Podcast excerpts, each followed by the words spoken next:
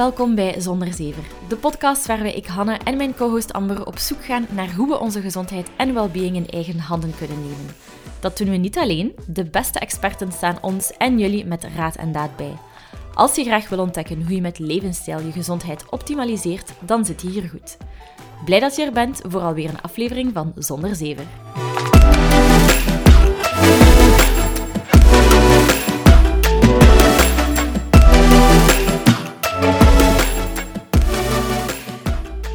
Is een topic met heel veel meningen, theorieën, diëten en wat nog allemaal. Maar eigenlijk hoeft dat allemaal niet zo moeilijk te zijn. Nu, iets waar wij heel hard van van zijn en de gast van vandaag zelfs een hele boek aan gewijd heeft, is de regenboogregel.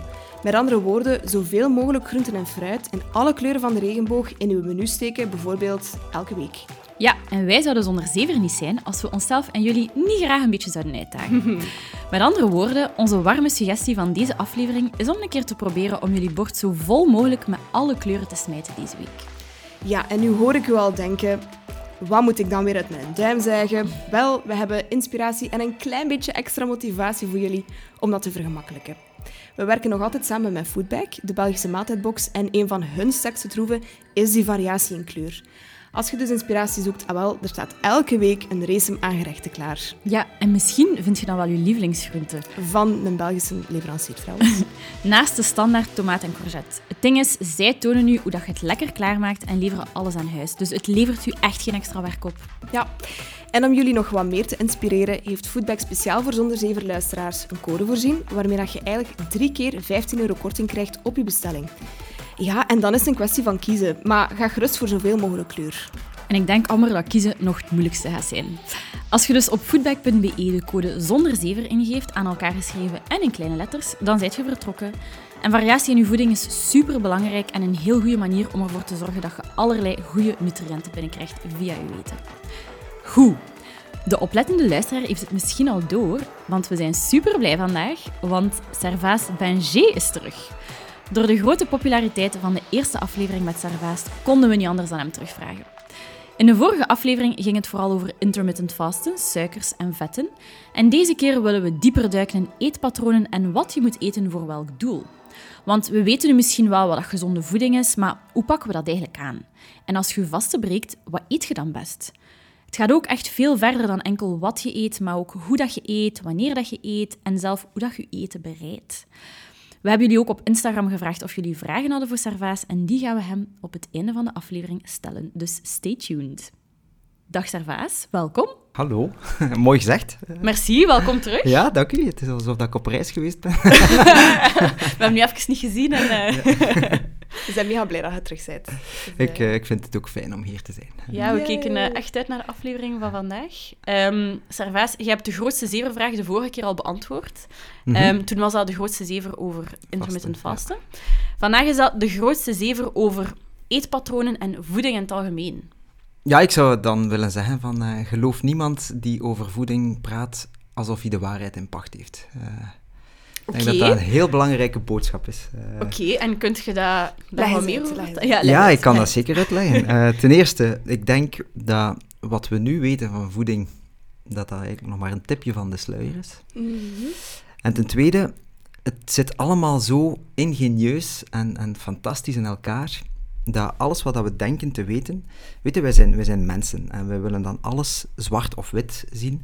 En ik merk dat ook heel hard aan de vragen die, die, die ik krijg van mensen van, ja, wat moet ik nu doen en hoe, mm. hoe, hoe denk jij daarover en hoe denk ja, jij daarover?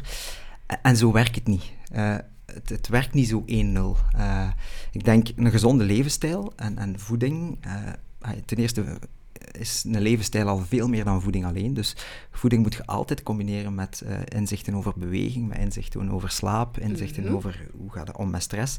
Dus dat is al de, de, eerste complexiteit van de puzzel. En de tweede complexiteit van de puzzel is dat ja, eh, de manier waarop dat er op dit moment wetenschappelijk onderzoek gedaan wordt, dat die altijd wil bewijzen of iets werkt of niet werkt. Ja, inderdaad. Um, maar met voeding, uh, wat is gezonde voeding? Dat is net, uh, de kracht van gezonde voeding is net heel veel variatie, heel veel verschil, heel veel verschillende dingen die uh, on, onafhankelijk van elkaar gaan werken, maar die ook samen gaan werken. en dat is iets wat in al die studies en al wetenschappelijk onderzoek bijna niet onderzocht wordt. Dus daarom denk ik moeten we als, als mensen die geïnteresseerd zijn in wetenschap, eh, onze plek kennen en zeggen van kijk, we kunnen wij dat wel allemaal denken en beweren, maar we moeten ook ons gezond verstand gebruiken. En ja, mijn, mijn hoofdgezond verstand is dan, weet je, wij zijn allemaal natuurwezens, wij zijn gemaakt door de natuur. Dus wij moeten eigenlijk ons voeden met de dingen die de natuur ons geeft. En dat is eigenlijk de meest belangrijke regel over voeding. Dus ja, dat is een beetje een heel lange antwoord op, op een heel korte Nee, vraag. Vond maar, het sterk begin allemaal. Ik dacht, wat gaat hij nu zijn? Nee, maar het is wel waar, het is dus hè? niet 1-0. Ja. Dus, dus eigenlijk, ik, ik, eh, ik weet niet wat jullie mij allemaal gaan vragen straks, maar misschien zou het kunnen zijn dat ik zeg van, is dat wel de juiste vraag? Ja, ja, maar dat is goed. We mogen Maar challenge, ja, challenge Ja, ja, ja. ons daarop, hè. Maar het is wel waar dat als er wetenschappelijk onderzo- onderzoek wordt gedaan, dat dat heel vaak is van... Is dat gezond of is dat ongezond? Of... Het komt uit de pharma, hè? Ja, dus wetenschappelijk onderzoek voilà. komt uit... We hebben een pilletje gemaakt Ja. en we gaan kijken of dat, dat pilletje werkt. Dus wat gaan we doen? We gaan twee groepen pakken. Mhm, mhm. We pakken een groep die het pilletje krijgt en we Ja. pakken een groep die een nep pilletje krijgt. En dan kijken we naar het verschil Mm. tussen die twee. En voor zo dingen te bewijzen, voor de werkzaamheid van medicatie te bewijzen, is dat een, een studiedesign dat, dat wel iets of wat bewezen, bewezen nut heeft en wel werkt. Maar voor za- zaken die zo complex zijn als levensstijl algemeen, ik ga het zelfs meer, Mhm, meer dan mhm. voeding trekken, ja, kunnen we dat niet zo bewijzen. Nee. En dan, dan verschijnt er een keer op eh, een of ander... ehm, een- komt er een of andere hype, bijvoorbeeld chlorofiel is zo, zoiets geweest. En, en plots begon iedereen TikTok-filmpjes, eh, dat ze van dat bladgroen in hun water deden. Ik heb dat misschien gezien. Omdat Ja, natuurlijk... Zitten niet op Ja. TikTok. Ik ben daar net mijn eerste stapjes op aan het zetten. eh. En Dus, zijn er eh, dan zelf ook zo TikToks aan het maken? Eh, stiekem in Allemaal de achtergrond subscribe wel. op, Ja, allemaal allemaal subscribe op de subscriben. TikTok Waar kunnen we. Ja, dokter Servaas. Dokter eh, Servaas op TikTok, iedereen? Oh, we, we hebben nu onderbroken. Vertel Ja, dan vertel maar. maar. Het ging dus over bladgroen, over Ja, ja, ja. chlorofiel. eh. nee, dus daar was er plots een enorme hype en dan, dan, en dan belden de, de, de journalisten van ja, en, en is dat nu waar en is dat nu niet waar?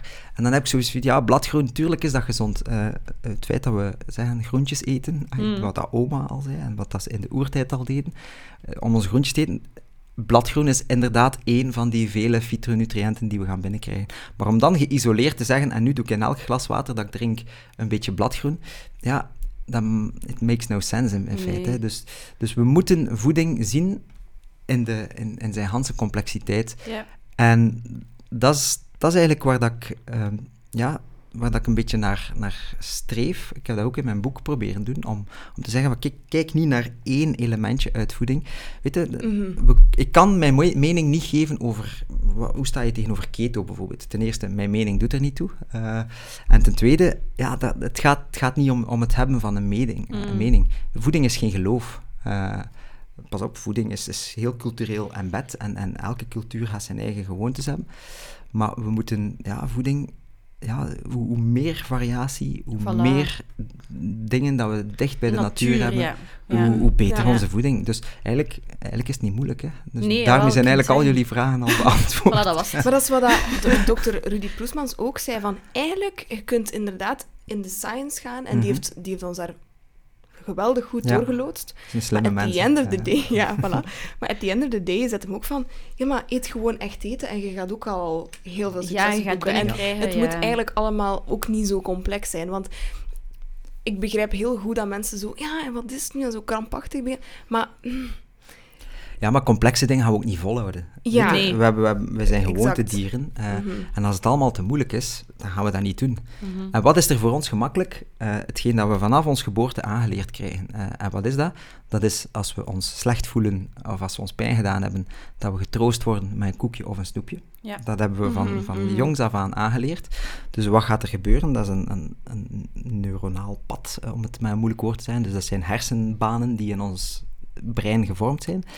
Waar dat we dus gaan naar teruggrijpen. Dus als we ons nu op onze leeftijd iets minder voelen, of we hebben een stressvolle dag gehad, of we hebben, weet ik veel wat, een woordenwisseling gehad met onze partner.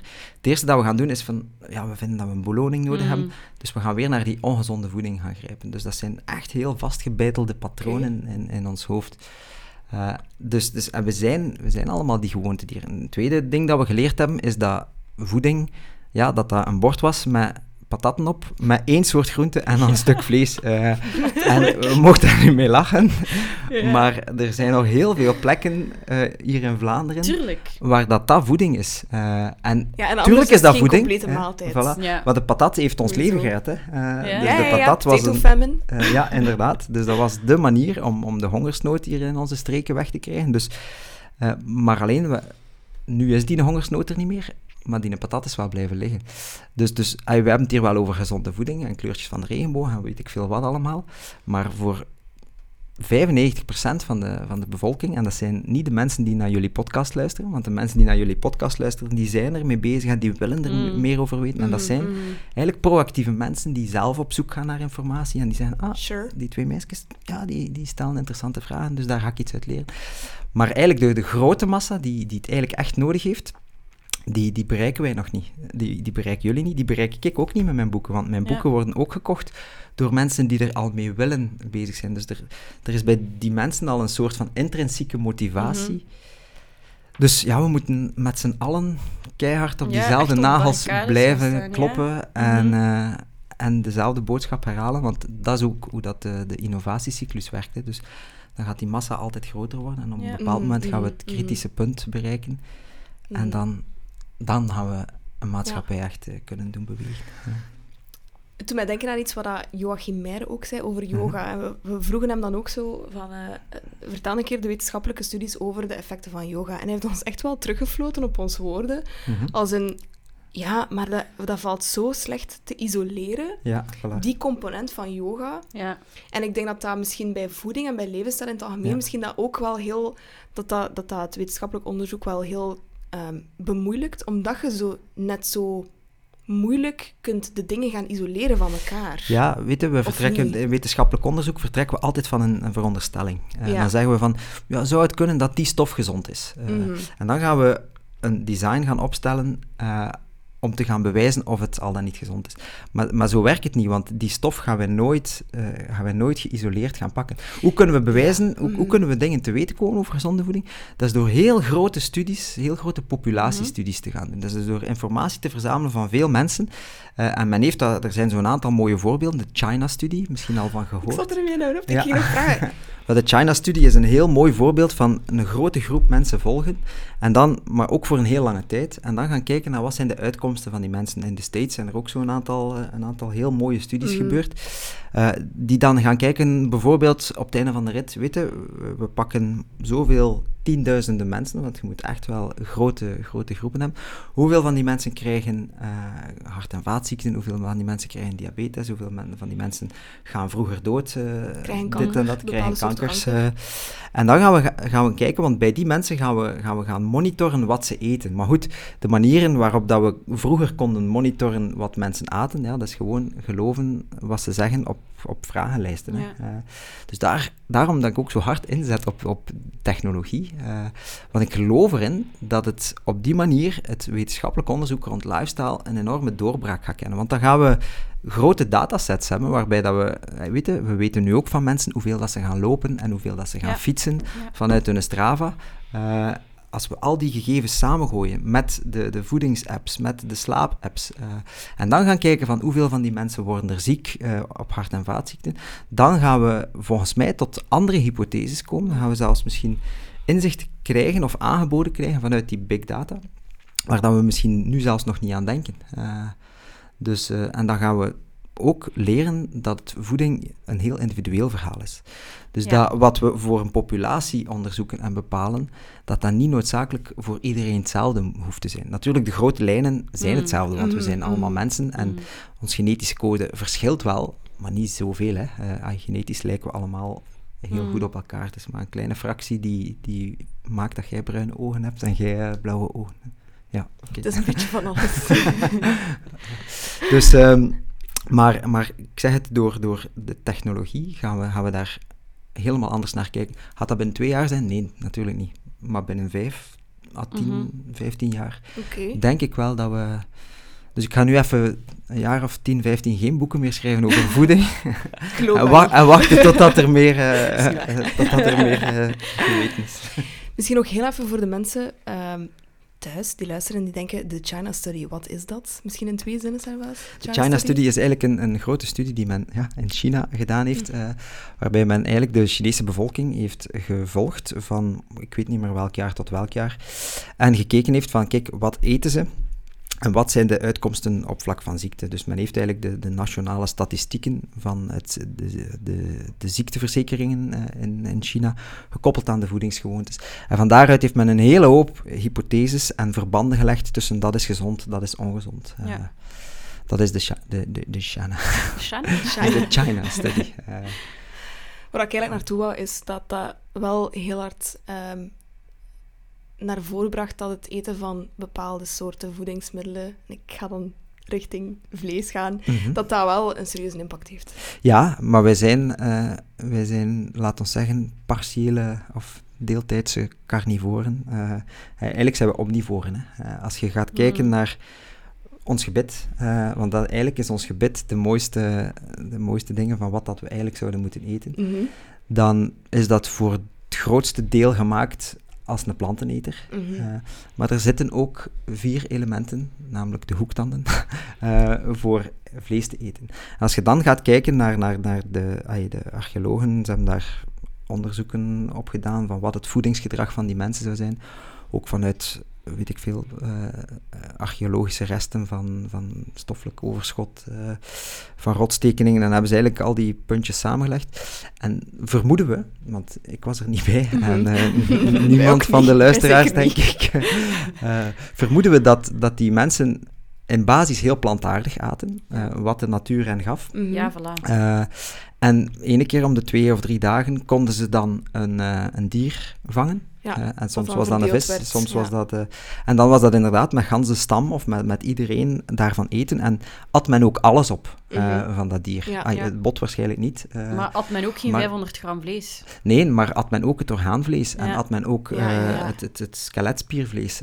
dus, dus dat was een, een, een andere manier van vlees eten. En ja, wat, wat, weten we nu vanuit de wetenschappelijke studies? Weten we dat rood vlees bijvoorbeeld, als je dagelijks rood vlees eet, ja, heb je een hoger risico op het krijgen van bepaalde aan, aandoeningen. Ja. Darmkanker bijvoorbeeld mm. is een heel duidelijk verband tussen uw rood vleesconsumptie. Vandaar dat de aanbevelingen, want dat is dan wat ik met mijn eerste antwoord op mijn eerste vraag eigenlijk wou zeggen. Mm -hmm. Zo wetenschappelijke kennis, oké, okay, maar daar ligt niemand van wakker. Uh, wat, wat, wat eigenlijk nu, nu gebeurt, is, is dat we vanuit die wetenschappelijke kennis aanbevelingen moeten doen naar de mensen. Want ja. de mensen willen ja, een boodschappenlijstje. De mensen willen weten van, ja, maar wat, wat moet ik nu eten? Wat mm -hmm. moet ik nu kopen? Uh, dat is eigenlijk de meest gestelde vraag aan mij. Is van, ja, wat moet ik nu doen? Uh, en ja, ja. Dus, ik snap dat dat soms wel wat overweldigend is, al die maar informatie. dat is mega overwhelming. Wel, maar dat is het voordeel. Uh, ik heb dat in mijn boek ook geschreven. Kende de 10.000 uren regel? ja. Ik denk het wel. Ja, Als je 10.000 uur aan iets ja. je dedication geeft, dat je eigenlijk een true master wordt in voilà, het onderwerp. inderdaad. Ja, mooi. Ja. Dus, en ik ga eerlijk zijn, ik ben in mijn leven 10.000 uren met wetenschap rond voeding bezig geweest. Dus wat is er gebeurd in mijn hoofd? In mijn hoofd heb ik een, een heel mooi raamwerk gecreëerd van Mhm. mm. wat is gezonde voeding. En elke keer als ik iets zie passeren, of dat dat nu het bladgroen op TikTok is, of dat dat nu een wetenschappelijke studie is, uh, of, of weet ik veel wat, of een vraag rond voeding, dan kan ik dat in mijn eigen framework onmiddellijk ergens aan Ja. een kapstokje hangen. Mhm. En kan ik dat heel goed plaatsen bij, ja, dat is niet al te belangrijk, of oh ja, dat is superbelangrijk, daar moeten we verder op ingaan. Dat is omdat ik, maar we kunnen natuurlijk niet van iedereen verwachten dat die 10.000 uren boeken en studies uh, Mhm. over gezonde voeding gaan doen. Dus dat is wat ik eigenlijk geprobeerd heb, is, is uh, een, een soort raamwerk te creëren dat, dat eigenlijk het heel helder maakt van oké, gezonde voeding, wat is dat nu precies? En, Ja. en, en waar moeten we op letten om de basisregels eigenlijk te gaan, uh, Ja, te gaan ja. voorzien? Als ik Dus- kijk in uw boek, dan ehm, is het wel zo, bij wat dat je moet eten, is het voornamelijk plantaardig. Als ik kijk naar de recepten en zo die in uw boek Mhm. staan. Dus zit je ook van mening dat eigenlijk een, mm, eerder het mediterraanse dieet, Ja, het plantaardige mediterraanse dieet, dat dat eigenlijk het gezondste is Ja, dat voor zien we ook vaak passeren. Hè. Mediterraans, Ja. mediterraans, mediterraans. ja wat mediterraans is, is, een, eh, is, een heel, is een heel gezond dieet. Hè. We zien dat de mensen rond de Middellandse Zee, ja, mediter Ja. Medi- Mediterranië ging ik zeggen, maar dat is, dat is, dat is duidelijk. Zoiets anders ook zou zijn. Dat is iets voor, dat is iets voor mij. Eh, nee, dat de mensen daar... En pas op, mediterraans dieet wil niet zeggen pasta en Frans brood, hè, want Nee. dat, dat is ook de... Ja. de Nee, sorry, Sarah, ik heb het gezegd. de cultuur. nee, mediterraans wil zeggen heel plantaardig, heel kleurrijk, eh, heel veel gezonde vetten, heel Ja. veel oliën, heel veel natuurlijke dingen, noten, eh, zaden, olijven, ja, dat, die groeien daar ook. dus, en, en ja, daar weten we wel van dat dat, ja, dat, dat heel veel gezondheidsvoordelen geeft. Hè. Eh, dus, en eh, dat, is, dat is ook een dieet dat weinig bewerkt is. wel, maar ik gebruik niet graag het woord dieet. Eh, dus Dat is wel la- waar. laat ons voedingspatroon of eetpatroon. Ja, ja, ja. eet- eet- want bij dieet denken we altijd aan een, ja, aan- een Ja, ja, interventie. ja. Ja, ja, Of ja. aan regeltjes die je moet volgen. voilà, terwijl eigenlijk zijn het geen regels En aan die je iets moet tijdelijks. volgen. Een dieet Ja. is iets tijdelijks. Ja, en ik geloof er niet in, in tijdelijke, in tijdelijke Nee. zaken. Oh nee, wij ook niet. Nee. Een gezondheid levenslang opbouwen, dat kun je niet door te diëten. Nee, dat kun je door op dat gewoonteniveau te gaan Ja. werken. En Mhm. daar de juiste zaken in je systeem te gaan programmeren, om dag in dag uit dezelfde, dezelfde goede keuzes te maken. En weet je, we zijn allemaal mensen en we zijn allemaal groot geworden eh, met de verkeerde informatie en we staan allemaal bloot aan schreeuwende marketing en... eh, Echt. Daar zou toch eigenlijk een stop op moeten komen, hè? Of dat zou toch Ja. gereguleerd moeten worden? Ja, en als jij daar een koekje open doet, dan zitten er bepaalde stoffen in dat koekje dat in mijn neus gaan terechtkomen en Ja? dat ik ook zin ga krijgen in dat koekje. Ja, Nee. tuurlijk. eh, absoluut. eh, Maar wacht. Ja. Omdat het erin zat of by design? Eh, En ik bedoel, speciaal ontwikkeld daarvoor. ik denk dat dat eh, voor een deel speciaal ontwikkeld wordt Ja. daarvoor. Ik heb ook al Eh, gehoord van eh, bepaalde fastfoodketens. Een rijstkoek is het mooiste voorbeeld. Hè? Ja, ik weet niet. Een rijstkoek. Zo'n Dus, ding. nu, de natuur heeft dat ook, hè.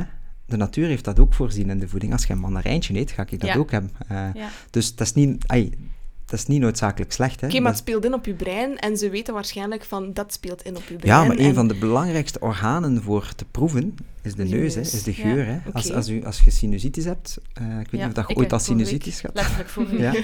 ja, dan smaakt je niet veel. Hè. Dat smaakte niets. Nee, en wel, maar dat komt gewoon omdat, omdat er een deel van uw zintuigelijke waarneming rond de, smaak van voeding wegvalt. Hè. Ja. Maar onderschat niet hoe bewerkte voeding, dus de voeding waar dat we niet voor biologisch geprogrammeerd Mhm, zijn, mhm. hoe dat die gefine-tuned wordt, zodanig dat we ze lekker vinden. Hè? Mhm. dat, is, dat is wat we de bliss point noemen. Hè? Misschien al van Oké, gehoord. Dus de nee. bliss point, eigenlijk hebben we maar drie dingen nodig om iets te maken. Dus we hebben nodig suiker, zout en verzadigd vet.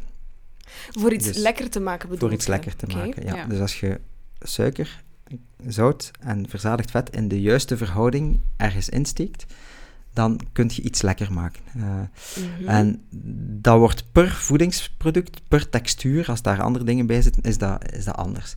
Dus daar wordt echt naar gezocht. Mhm. Eh, als Wat je bijvoorbeeld... de ja, juiste... ja, wat is de juiste verhouding? Zodanig dat als jij die in ene...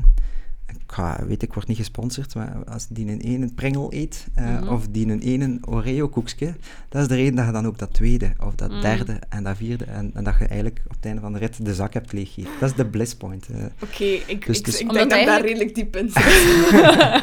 Dat Omdat het eigenlijk zodanig gemaakt is dat je wilt blijven en omdat ja, je daar meer en dat meer de- zin in de- de- krijgt. de- omdat die smaak, zodanig, die smaakbeleving echt geoptimaliseerd goed. Ja. wordt. Dat is de umami eigenlijk. Hè. Dus we hebben zuur, zoet, bitter, eh, zout. Ja. Maar dan is die umami eigenlijk de... Ja, je kunt dat moeilijk definiëren hoe dat, dat, hoe dat, Ja. dat is, de, de volheidssmaak. Ja. Dus dat zit heel hard in artificiële voeding. Maar als je erop let, zit dat ook heel hard in, in natuurlijke dingen. Want ai, dat klinkt nu misschien heel saai en heel nerdy wat ik nu ga zeggen, maar op een warme zomerdag eh, zo in een verse appelsien bijten. Ja. Of zo'n aardbeiken, zo'n Voilà. zoet Ah, ja, maar dat, dat, Ja, ja. zie maar dat kan ook Ja. lekker zijn. Hè. Eh, Ja. Ja, Maar natuurlijk, als je altijd de, de artificiële smaken gewoon bent, Ja. gaan we dat niet meer zoet genoeg vinden. Ja, dat gaat Dan niet is zo dat- smaken meer. Nee, dus, want, want dat suikergehalte is lager dan in Ja. die bewerkte voeding. Mhm. Eh, dat, is- dat zit ook heel veel vocht bij, Mhm. wat dat een goede zaak is voor ons Mhm. lichaam, maar voor de smaak het, het wat, wat complexer maakt. Dus ai, we, moeten, we moeten ook een stukje terug leren, die, die dingen Ja. appreciëren. En ik, I've been there, hè. ik heb 15 jaar van mijn leven niks anders gegeten dan ongezonde, bewerkte, artificiële, suikerrijke dingen. Dat tast ook je smaakpapillen aan, hè. Ja, Ja. je zegt dat altijd, hè. Ja. Maar net zoals huidcellen Ja, zijn, kan zich dat eh, vernieuwen. vernieuwt zich dat. Hè. Maar dat is wel Ja. normaal Dus, dat als je eh, dan zo zegt van... En nu ga ik gezond willen eten, als je dan een crashdieet of, doet of zo, Mhm, dat je ja. niets lekker vindt, want ja... u- Het is allemaal... Ja. Ja. Nee, je moet, je moet die, die zoete smaak, weet je, de, de natuurlijke suiker, en in fruit zit er ook heel veel fructose. Eh, Mhm. Dat is de reden dat als je je fruit tot een sapje perst, dat het eigenlijk eerder iets ongezond wordt dan dat het iets gezond is. Mhm, mhm. Eh, maar die natuurlijke fruit, fruitsmaak, die is niet, vaak voor veel mensen niet zoet genoeg. Nee. Waarom? Omdat we gebombardeerd worden door fructose, glucose Ja. en dan nog net in de juiste verhouding. eh, Ja, Mhm. maar ze kappen het ook gewoon in alles. Ja. Brood Het wordt in alles gekapt. en zonder dat je dat weet. En ook, wat ik ook gemerkt heb, is dat als je op een verpakking gaat gaan kijken...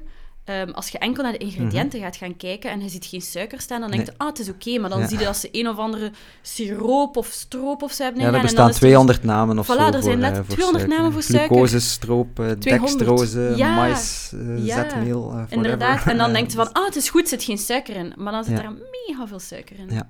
Ja, ja, dat is waar. De, de hoeveelheid verborgen suikers die we binnenkrijgen is, is immens. eh.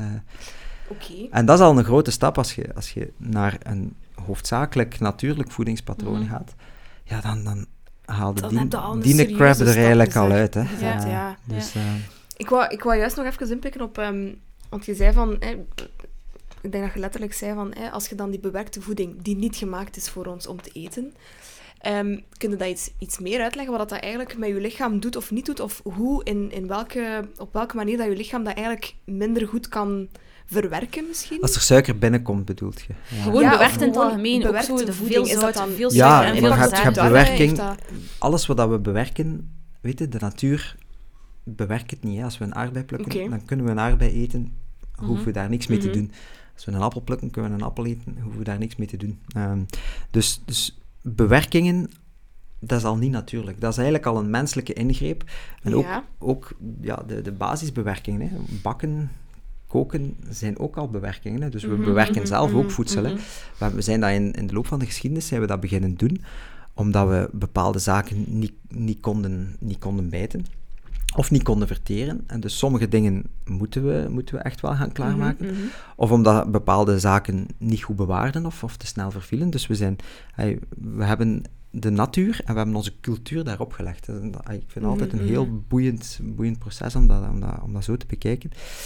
Dus alles wat bewerkt is, daar zal ons biologie, eh, onze biologie, ons biologie eigenlijk al een stukje gaan op, eh, op gaan eh, ai, protesteren. Maar natuurlijk, de, de graad van bewerking die in de voeding zit, die in verpakkingen zit, met labeltjes op, Ja. ja, die is echt wel heel extreem.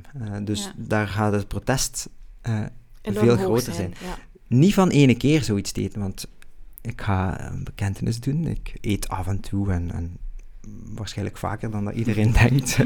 eet ik ook wel een keer iets van gezond. En, frietje? en een frietje, ja, laat ja. ik mij ook een keer gaan. En, en, eet ik ook iets dat, wat dat een voedingslabel kent en dat in een verpakking zit. Ja, 80-20 principe. Voilà. En weet je, we zijn allemaal mensen. En plus, Mhm, ik ben mhm. ook eh, verkeerd geprogrammeerd. Hè.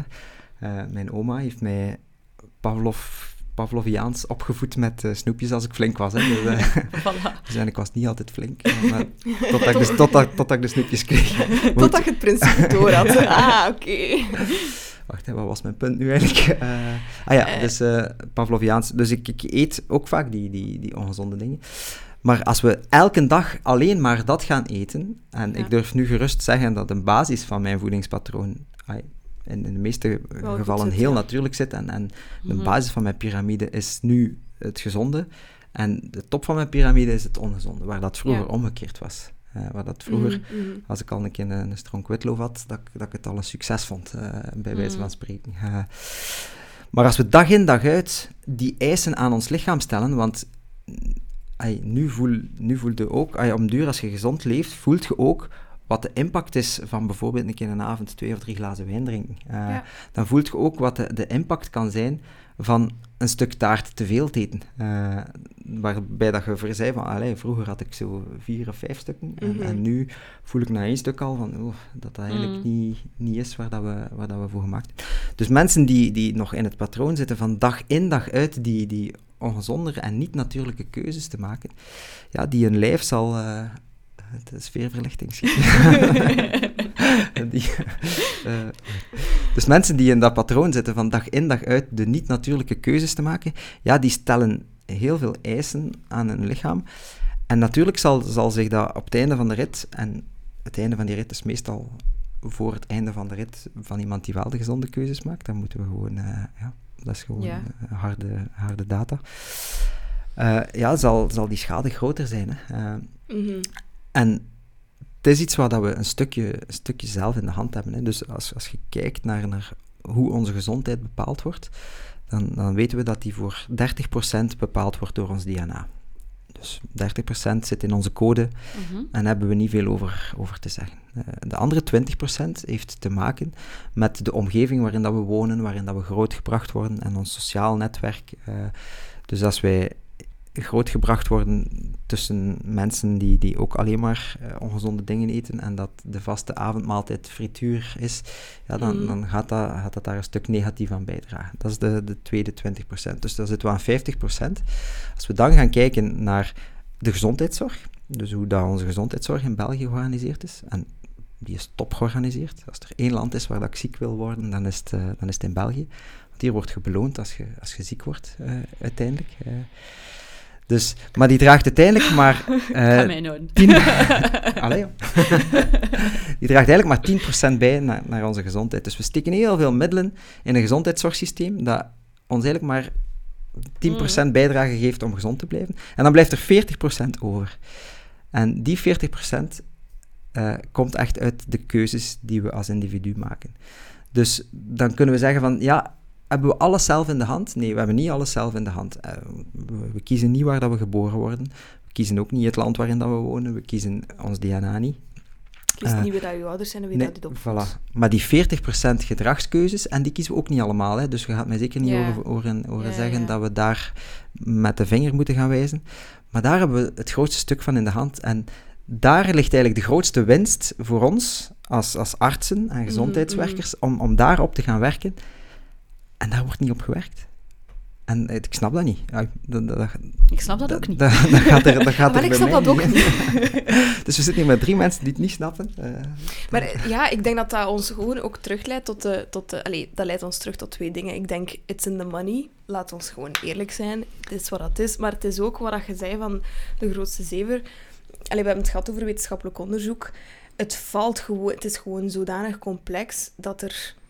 Ja, want gedragskeuzes gaan over kiezen om op tijd in uw bed te kruipen, Mhm. tot Ja. kiezen om yoga Ja. te doen, tot kiezen om ik ga eh, Tot eerst kiezen een om uur niet te sporten. stresseren over het feit dat je een platte band hebt, Ja. bijvoorbeeld. Allee, Ja. Dus het is zodanig complex.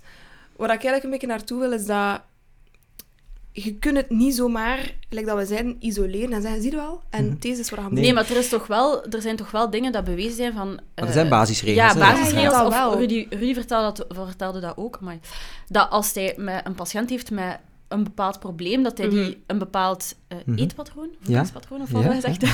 aanbeveelt. En dat hij daar wel echt significante verschillen van ziet. Dus die Dat dingen, zijn nooit wel, niet horen zeggen. die dingen kunnen Ja. wel bewezen zijn. Maar ja, ten eerste daarvan geen geld in te verdienen. En ik denk ook dat er, je zei het ook, Servaas, er is zoveel onduidelijkheid en er is, wordt, wordt naar je kop gesmeten Ja, met, ja. met verschillende marketing en verschillende, ik ga het dan wel diëten Ja. noemen.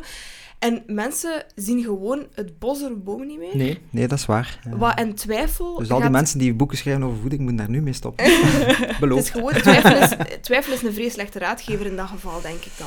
Ja, maar weet je, waarom wordt het ons niet geleerd? Eh, Ja, waarom, inderdaad. eh, nee, we, we hebben allemaal op school geleerd dat een appel gezond is. Dat is het enige dat ik van, van school onthouden heb. Oei, dat is Eh, weinig. ja. ik heb nog een paar andere dingen, eh, maar dat is... Dat is maar een mopje, hè. Eh, weet je, er, er- maar dat geldt niet alleen voor, voor, voor gezonde levensstijl, dat geldt voor, voor, voor zoveel dingen. We moeten dan Mhm. leren dat de, de- het blad van de esdoorn er zo uitziet, en dat weet nog iedereen. Eh, en het blad van de acacia, of weet ik veel welke Mhm. boom dat er nog allemaal bestaan. Maar laat ons nu een keer inzetten ook om, om vanaf jonge leeftijd de, de mensen heel bewust te maken van hun lichaam en hoe dat we dat lichaam op de meest ideale manier kunnen, kunnen soigneren. Ja, 100%. Dus laat ons daar een keer harder, harder op inzetten en daar de stakes wat hoger leggen, want de stakes zijn hoog. Hè. Het, het is nu, de kindjes die nu in het eerste, tweede, derde studiejaar Mhm. zijn, dat zijn de diabeten. En aan het tempo dat we op dit moment zijn, van binnen 20, 30 jaar. Hè. Ja, want bij kinderen is het dat echt ja. heel hoog, hè, het overgewicht. ja, dus dat Ah, wil wel, zeggen dat jullie dat- gaan moeten blijven werken om alles te kunnen betalen eh, wat die ziektelast en ziektekosten zal eh, Mhm. met zich meebrengen. Ai, dat is nu misschien allemaal heel boetadisch ja. en Nee, maar zwart-wit het- dat het ik het is wel- schets, maar... ja, maar eh, nee, het is ook wel gewoon waar, het- waar. allee, ja, het is gewoon ook eh, Ik weet nog, was dat Paul van den Bos die dat zei? Van die, van die eh, obesity met, met kinderen. Ja, veel. Paul heeft heel ik veel, denk- eh, heel veel onderzoek gedaan daarmee. Ja, ik denk met, dat het Met Hilde Krevits heeft hij een project gedaan om de kindjes aan het bewegen te krijgen. Ook, Ja, ook. En, en Ja. ik dacht dat hem zelfs zei van, ehm, dat België het topland is van ehm, ja, Zitten de kinderen die, obesitas die te bij, zijn. bij ja. kinderen. Ja, Ja, ja. En ik dacht ook, wow. Maar ja, dat heeft een gigantische impact op die hun leven, zowel mentaal als fysiek. Ja, en dat gaat dan uiteindelijk een impact hebben op andere zaken, zoals bijvoorbeeld zelf fertiliteit en zo in, Ja, in de toekomst. absoluut. En Fertiliteitsproblemen zijn voor een heel groot stuk insulineresistentieproblemen. Hè. Ja? ja, Dus, eh, Oh. Och, ik wil Eh. zo graag een aflevering over fertiliteit. Ik ben echt heel België aan het rondmailen, voordat er iemand babbelt over fertiliteit. Ja. Ja. we willen echt wel eens een aflevering doen daar rond. Ja. Maar oké, dat is al een, maar dan een goed eh, begin. zal ik jullie straks een paar namen geven. Ah, Ah ja, vriendelijk. dat is vriendelijk. Echt, ja. Voilà, dan weten ze ook al direct wat we nog van plan zijn.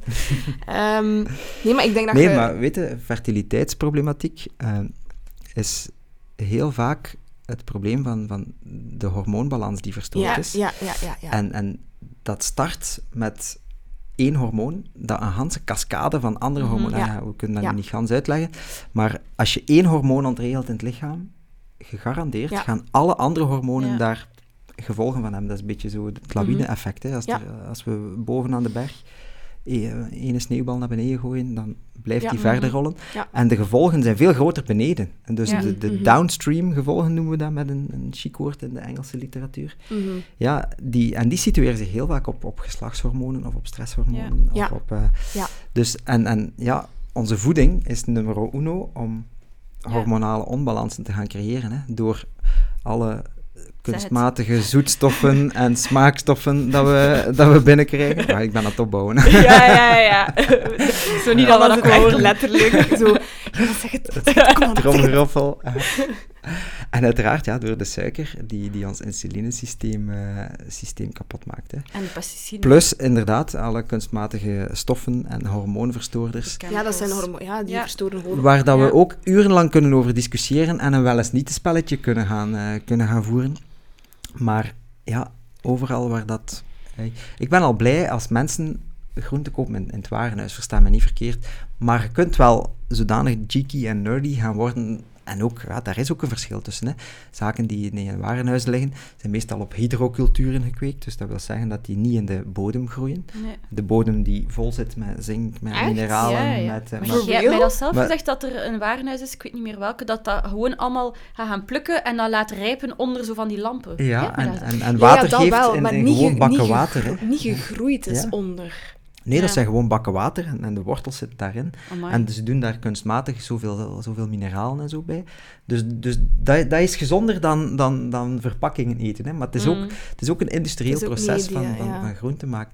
Die, die, die, Mhm. die broccolietjes en die bloemkolen zien er allemaal hetzelfde uit ook. Hè. Ja. Dus Ja, dat is niet normaal. bij de natuur is dat, is dat niet. Hè. Als je, dus, dus probeer het zo natuurlijk, zo lokaal mogelijk. Zo, het is ook niet normaal dat wij in, in december aardbeien eten. Hè. Dat moeten, we- Ja, nee, dat moeten nee. we ook niet Hebben doen. het ook al over gehad. Dus, Ja.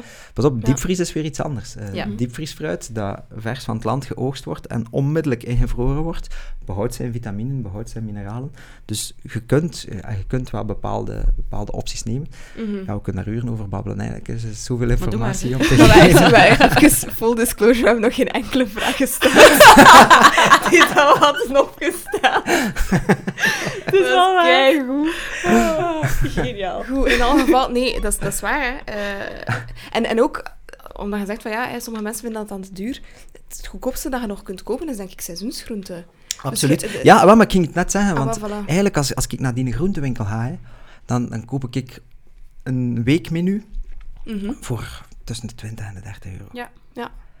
Dus, en als ik elke dat keer een, een lunchje moet bestellen of, Ja. of, of, of andere dingen, dan... eh, Maar dat is omdat je die Whole Foods bestelt. En dan waarschijnlijk Ja. zult je ook wel nog je noten en je peulvruchten en Ja, die heb ik in, groot, maar die koop ik in het Maar groot. dan. Eh, dan eh, eigenlijk heb je we, we denken veel te veel aan zo, ah ja, maar wat moet daar nog bij? En, en Ja. we moeten sausje hebben. En dan... En, Nee, maar mijn basis ligt altijd in, in mijn kast. Hè. Eh, dus alles van, van noten en zaden. En, eh, mijn diepvries zit ook altijd vol. Met, eh, want ik, ik, ik ben een smoothie guy. Eh, ik, ik hou Mhm. enorm van eh, dingen mixen en kapot maken. Pas op, je moet, Oh moet wel opletten. eh, smoothies zijn, zijn gezond, want je hebt heel veel nutriënten samen. En je kunt daar alle kleurtjes van de regenboog in steken, maar de kans bestaat dat je daardoor eigenlijk wel een, een calorische hoeveelheid hebt die Ja. eigenlijk veel te groot is voor de maaltijd die je op dat Mhm, moment mhm, ja. nodig hebt. Eén.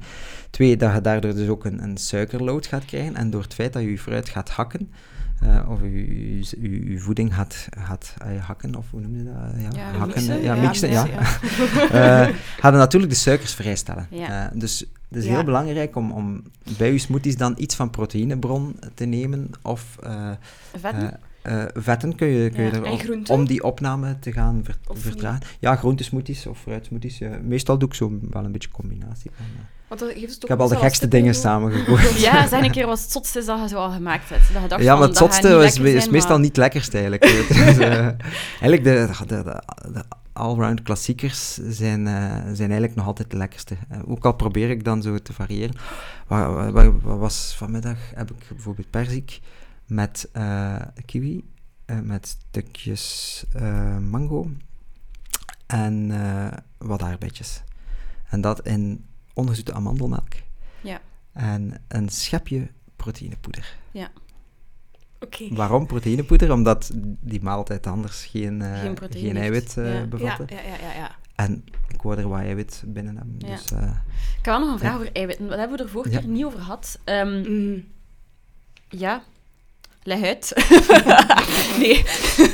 maar eiwit is een samenstelling van twee woorden. nee, nee, nee. Van ei en wit. Nee, maar waarom... Allee, eiwitten zijn belangrijk voor spieropbouw en zo, Mhm. maar welke... En wat zit er eigenlijk allemaal eiwitten? Is dat echt zeer puur in eieren, lol, maar ook gewoon in, Ja. ja. ja, in kip en zo, maar wat als je bijvoorbeeld ook vegetariër bent, Ja. waar moet het dan gaan gaan halen? Voilà, maar dat is, dat is eigenlijk exact hetzelfde probleem dat we hebben als we over koolhydraten babbelen. Bij iedereen de reflex brood, pasta, rijst. Eh, Ja, terwijl ja, koolhydraten, fruit, hallo, Ah, dat is de hoofdbron van koolhydraten. Groenten, Ook. Dat zijn, dat zijn de koolhydraten die we nodig hebben. Eh, bij eiwitten hebben we juist hetzelfde. Ik hoor u zeggen ei en kip. Ja, maar ik weet het. Dat is letterlijk, als vegetariër is dat mijn grootste issue, eiwitten. Dus we zijn enorm eh, beïnvloed door de bodybuilders van deze wereld, die inderdaad massieve porties kip en, en eh, massieve hoeveelheden eieren gaan pakken. Mhm. Maar eiwitten zitten, zitten ook in noten en zaden bijvoorbeeld, zijn die heel hard aanwezig. En moeder natuur heeft, heeft een fantastische uitvinding gedaan voor de vegetariërs en de veganisten. en ook voor de mensen die vlees eten van tijd. En dat zijn de peulvruchten. Eh, peulvruchten zijn een fantastische bron van, van eiwitten. Ja. De meeste peulvruchten gaan rond de 50-50 zitten van koolhydraten versus, eh, versus eiwitten.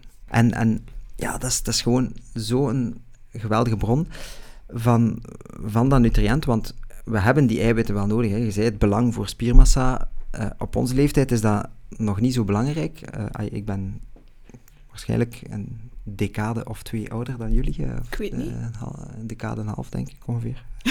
We gaan, het midden laten. we gaan het midden laten, voilà. Maar elke tien jaar dat ik ouder word en dat jullie ouder worden, gaat er zoveel procent van onze spiermassa verloren. Eh. Hoe meer dat we bewegen, hoe minder dat dat is natuurlijk. Hoe meer dat we dat trainen en in stand houden. En is dat belangrijk? Dat is super belangrijk.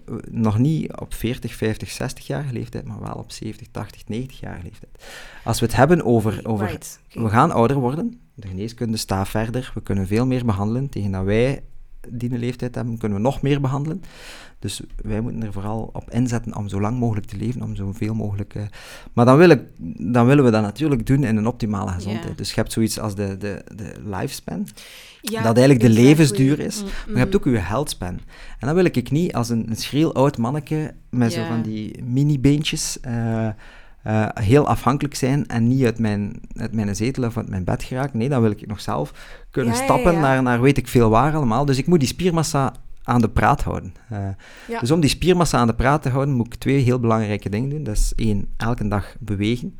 En niet alleen eh, gewoon bewegen, maar ook een stukje krachttraining in, in, mijn, uh, in mijn verhaal steekt. En dat kan zijn door, door ja, een, keer een, een goede voetbalmatch te spelen. Dat, dat is ook redelijk goede krachttraining. Mm-hmm. En twee, moet ik inderdaad de voldoende bouwstoffen aanleveren. Uh, dus moet ik voldoende eiwitten in mijn, in mijn systeem steken. Uh, niet te veel, want te veel eiwit staat dan ook weer in verband met het krijgen van bepaalde aandoeningen. er is een, een, verband tussen te hoge eiwitinname en het krijgen van kankers. En ook oh, dat kan hormoon, uh, hormoonverstorend uh, verstorend werken. Mm -hmm, Dus eigenlijk moeten we net genoeg. Dus we kunnen allemaal ongeveer tussen de 20 à 30 gram eiwit opnemen mm -hmm. vanuit onze voeding in ons bloed om de 2-3 uur. Dus dat wil zeggen dat oh. meer, uh, dat is uiteraard een beetje afhankelijk van lichaamsgewicht. Dus laten we zeggen dat een grote struise kerel makkelijk 30 gram zal, zal opnemen en een, een klein schriel kereltje, uh, of meisje, maar ik word niet zo genderspecifiek ja, ja. Uh, gaan, gaan, gaan opsplitsen. uh, uh, zal misschien rond de 20 gram zitten. en eigenlijk is dus het eten van een proteïnebron om de drie, vier uur meer dan voldoende. dus als je dan naar ons ei gaat gaan kijken, dus een ei heeft ongeveer 7 gram eiwitten, dan, dan zit je eigenlijk met twee of drie eieren op één voedingsmoment van eiwitten, heb je eigenlijk een, een mooie proteïnebron. Maar dan moet je dus eigenlijk twee of misschien soms drie voedingsmomenten op, op een dag binnenhalen. En daar komen heel veel mensen niet aan. Dus die, die, die eiwitinname is bij heel veel mensen veel te laag. Omdat we denken, uh, vanuit uh, een stuk kip van, van 150 gram of weet ik veel wat, of, of, ja, uh, of moet maar een keer kijken op de voedseletiketten van, mm van kippenwit. Je gaat zien dat het nog weinig met kip te maken heeft. Uh, ja, ten eerste aan, de hoeveelheid, aan de hoeveelheid ingrediënten.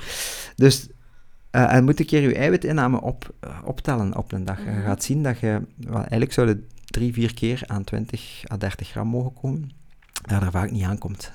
ja, dat is dus, wel zo. Dus vandaar dat, dat ik graag een pleidooi voer mm -hmm. om af en toe een keer die bonen en die kikkererwten en die yeah. linzen uh, ook echt op het, menu, mm -hmm. op het menu te gaan zetten. En overdrijf daar maar in, weet je. Ik, ik, ik... Dus dat is wel oké okay om daar dan in... Zeker, ik maak heel vaak een, een pokeball met als basis linzen. Oh, dat is mega uh, Ja, ik vind dat super lekker. Ik vind dat ook ben, lekker, linzen. Ik snap niet wat mensen daar ja. tegen hebben, eigenlijk. Nee, en als je linzen niet lekker vindt, ja, dan kun je het met kikkererwtje, ja, kikkererwtje doen, witte boontjes. Je kunt, maar natuurlijk, mensen die niet gewoon zijn om, om zo plantaardig te eten, en die plots gaan switchen naar een plantaardig dieet, die gaan de eerste dagen, die darmen gaan zoiets hebben. Ja. Was dat je? Alsof het ja, basically. Uh, ja, ja, ja, want, ja, want, van want, al die ze, want ze gaan een... een, een er gaat van alles gebeuren in die darm. Mm -hmm. Die gaat gezonder worden, dat ten eerste.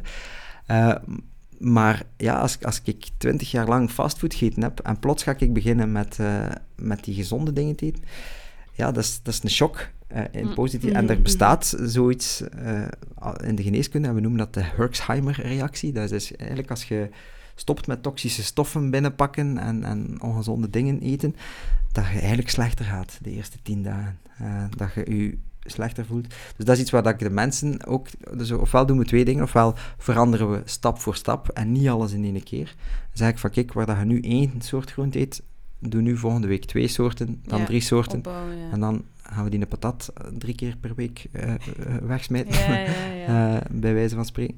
Dus je kunt inderdaad gestraag maar gestaag doen. En anders moeten, dat is een beetje like starten met vasten. Hè. Je kunt dat cold turkey doen, ja. van dag 1 op dag 2 gewoon beginnen. Of je kunt zeggen van ja, nee, we gaan dat rustig en geleidelijk, uurtje Ja. per uurtje uitbreiden. Voilà, je moet ook Ja. niet zo streng zijn voor jezelf. Mm. Het Nee. is oké om even zoiets te hebben van, oef, ik heb het lastig, of Mhm. je hebt, Ja. je hebt wat tijd nodig om, om die mindset shift te doen en ja, plots al die natuurlijke dingen te integreren. Ja, en, en perfectionisme is de sleutel om eh, te falen en dan op te geven Ah, en dan terug te gaan hervallen in uw, Ja, in uw oud is- patroon. Hè. Ja. Ik vind dat dat zo... allee, zeker in de, in de voedings- en de dieet. Ik ga Mhm. het nu even wel dieet, bewust dieetcultuur noemen. Dat moet altijd 120% zijn. Of toch tenminste 100%. Er is geen plaats voor... Mensen gaan zo... Ja, dat is zo... Ik ik ga nu diëten en ik ga nu zoveel dagen... Allee, dat ik pijs van, maar... Ik begrijp niet goed van waar dat, dat komt, gewoon. Je kunt daar toch niks mee... Ja, Maar je wilt een verandering doorvoeren en je denkt waarschijnlijk alles of niks. ja. Ik Ja. denk dat dat eerder de mindset is. Ja, ik zeg het, dan, dan ga ik teruggrijpen naar hoe vast de patronen Ja, ja, ja. in ons hoofd zitten. Daar, daar kunnen we niet onderuit. Ja, Ja. Ik, ik heb 37 jaar van mijn leven wist ik niet wat dat gezonde voeding was. En had ik zoiets van... eh, dus 37 jaar heb ik mijn brein bedraad op eh, als het maar lekker smaakt en eh, Mhm. als het mij maar een vol gevoel heeft. eh. Mhm, mhm. Dus, dus moet ik ook niet verwachten dat ik op vijf jaar nooit meer zin hebben om een keer iets van gezond te eten. Sure. Dus Ja. dat, dat, dat moet ik gewoon aanvaarden. En dat, zal, dat zal af en toe een struggle zijn op sommige momenten. En op andere momenten kost mij dat geen moeite. Maar ondertussen voel ik wel dat, dat, dat mijn gewoontepatroon aan het veranderen is. Ja. Ehm, Ja. dus eh, enerzijds dus die gewoontes. En anderzijds, ja, dat, we- dat is natuurlijk, als we, als we voeding altijd zo gaan blijven benaderen in termen van, van hypes, of Ja. en je moet nu dit, en Mhm. dit is de gouden graal. Hey, geloof nooit iemand die zegt die, die de gouden graal heeft, want, want dat kan niet. Dus we moeten van voeding echt gewoon een, een, ja, een gezond verstand ma- verhaal Ja. maken, dat, maar waarbij dat ook niet erg is om gezonde keuzes te maken. Want het, is, het, is, het is bijna... eh, als er, ik, ga, ik ga een voorbeeld geven. Bij ons, eh, bij ons op het bedrijf wordt er af en toe een keer een stukje taart gegeten. Eh, en soms heb ik echt zo van die dagen van, kijk, ik wil vanavond nog een keer gaan sporten, of ik wil nog dit, of ik moet vanavond... Dus ik, ga, ik wil geen stuk taart eten. Hoe moeilijk is dat niet? Om dan onder de groepsdruk eh, Mhm. te zeggen van, nee, ik ga het niet doen. Ah, één stukje kan geen kwaad, en je ziet Ja, nu al niet meer lopen. en blablabla. Ah ja, maar dat, is, dat, is- dat zijn Ja, zo... En, en eigenlijk is dat gewoon projectie. Hè. Eigenlijk zijn dat Dat de is a- eigenlijk andere wel, mensen die zoiets Ah, ja. hebben van, ja, maar ik wil, als jij hier zo gezonde keuzes maakt, ben ik daar jaloers op. En nu voel ik mij slecht, omdat ik Mm. geen gezonde keuzes maak. Dus ai, de, de, de psychologie Oeh. zit, Ja, zit ja. zo Eigenlijk de psychologie mooi. achter voeding moeten we ook een keer doen. Ja, ik, ben, ik, heb geprobeerd om daarmee te beginnen. Eh, Maar daar, daar start het ook mee, want als je daar Ja. inzicht in krijgt, vind ik, dan kun je dat ook meer plaatsen van ehm, hoe, op welke manier dat andere mensen reageren, maar dat je ook zelf reageert op. ja, maar op stress bijvoorbeeld. Hè. Ik Ja. weet, ik ben een stresseter. Eh, Same. En, eh, waarschijnlijk zullen een aantal mensen zich herkennen hierin. Eh, dus als, als, als het knettert in mijn kop, dan gaat mijn eerste reflex nog altijd zijn, wow, chocolade. Eh, Oh. en, gaan niet zeggen wat we mee hebben.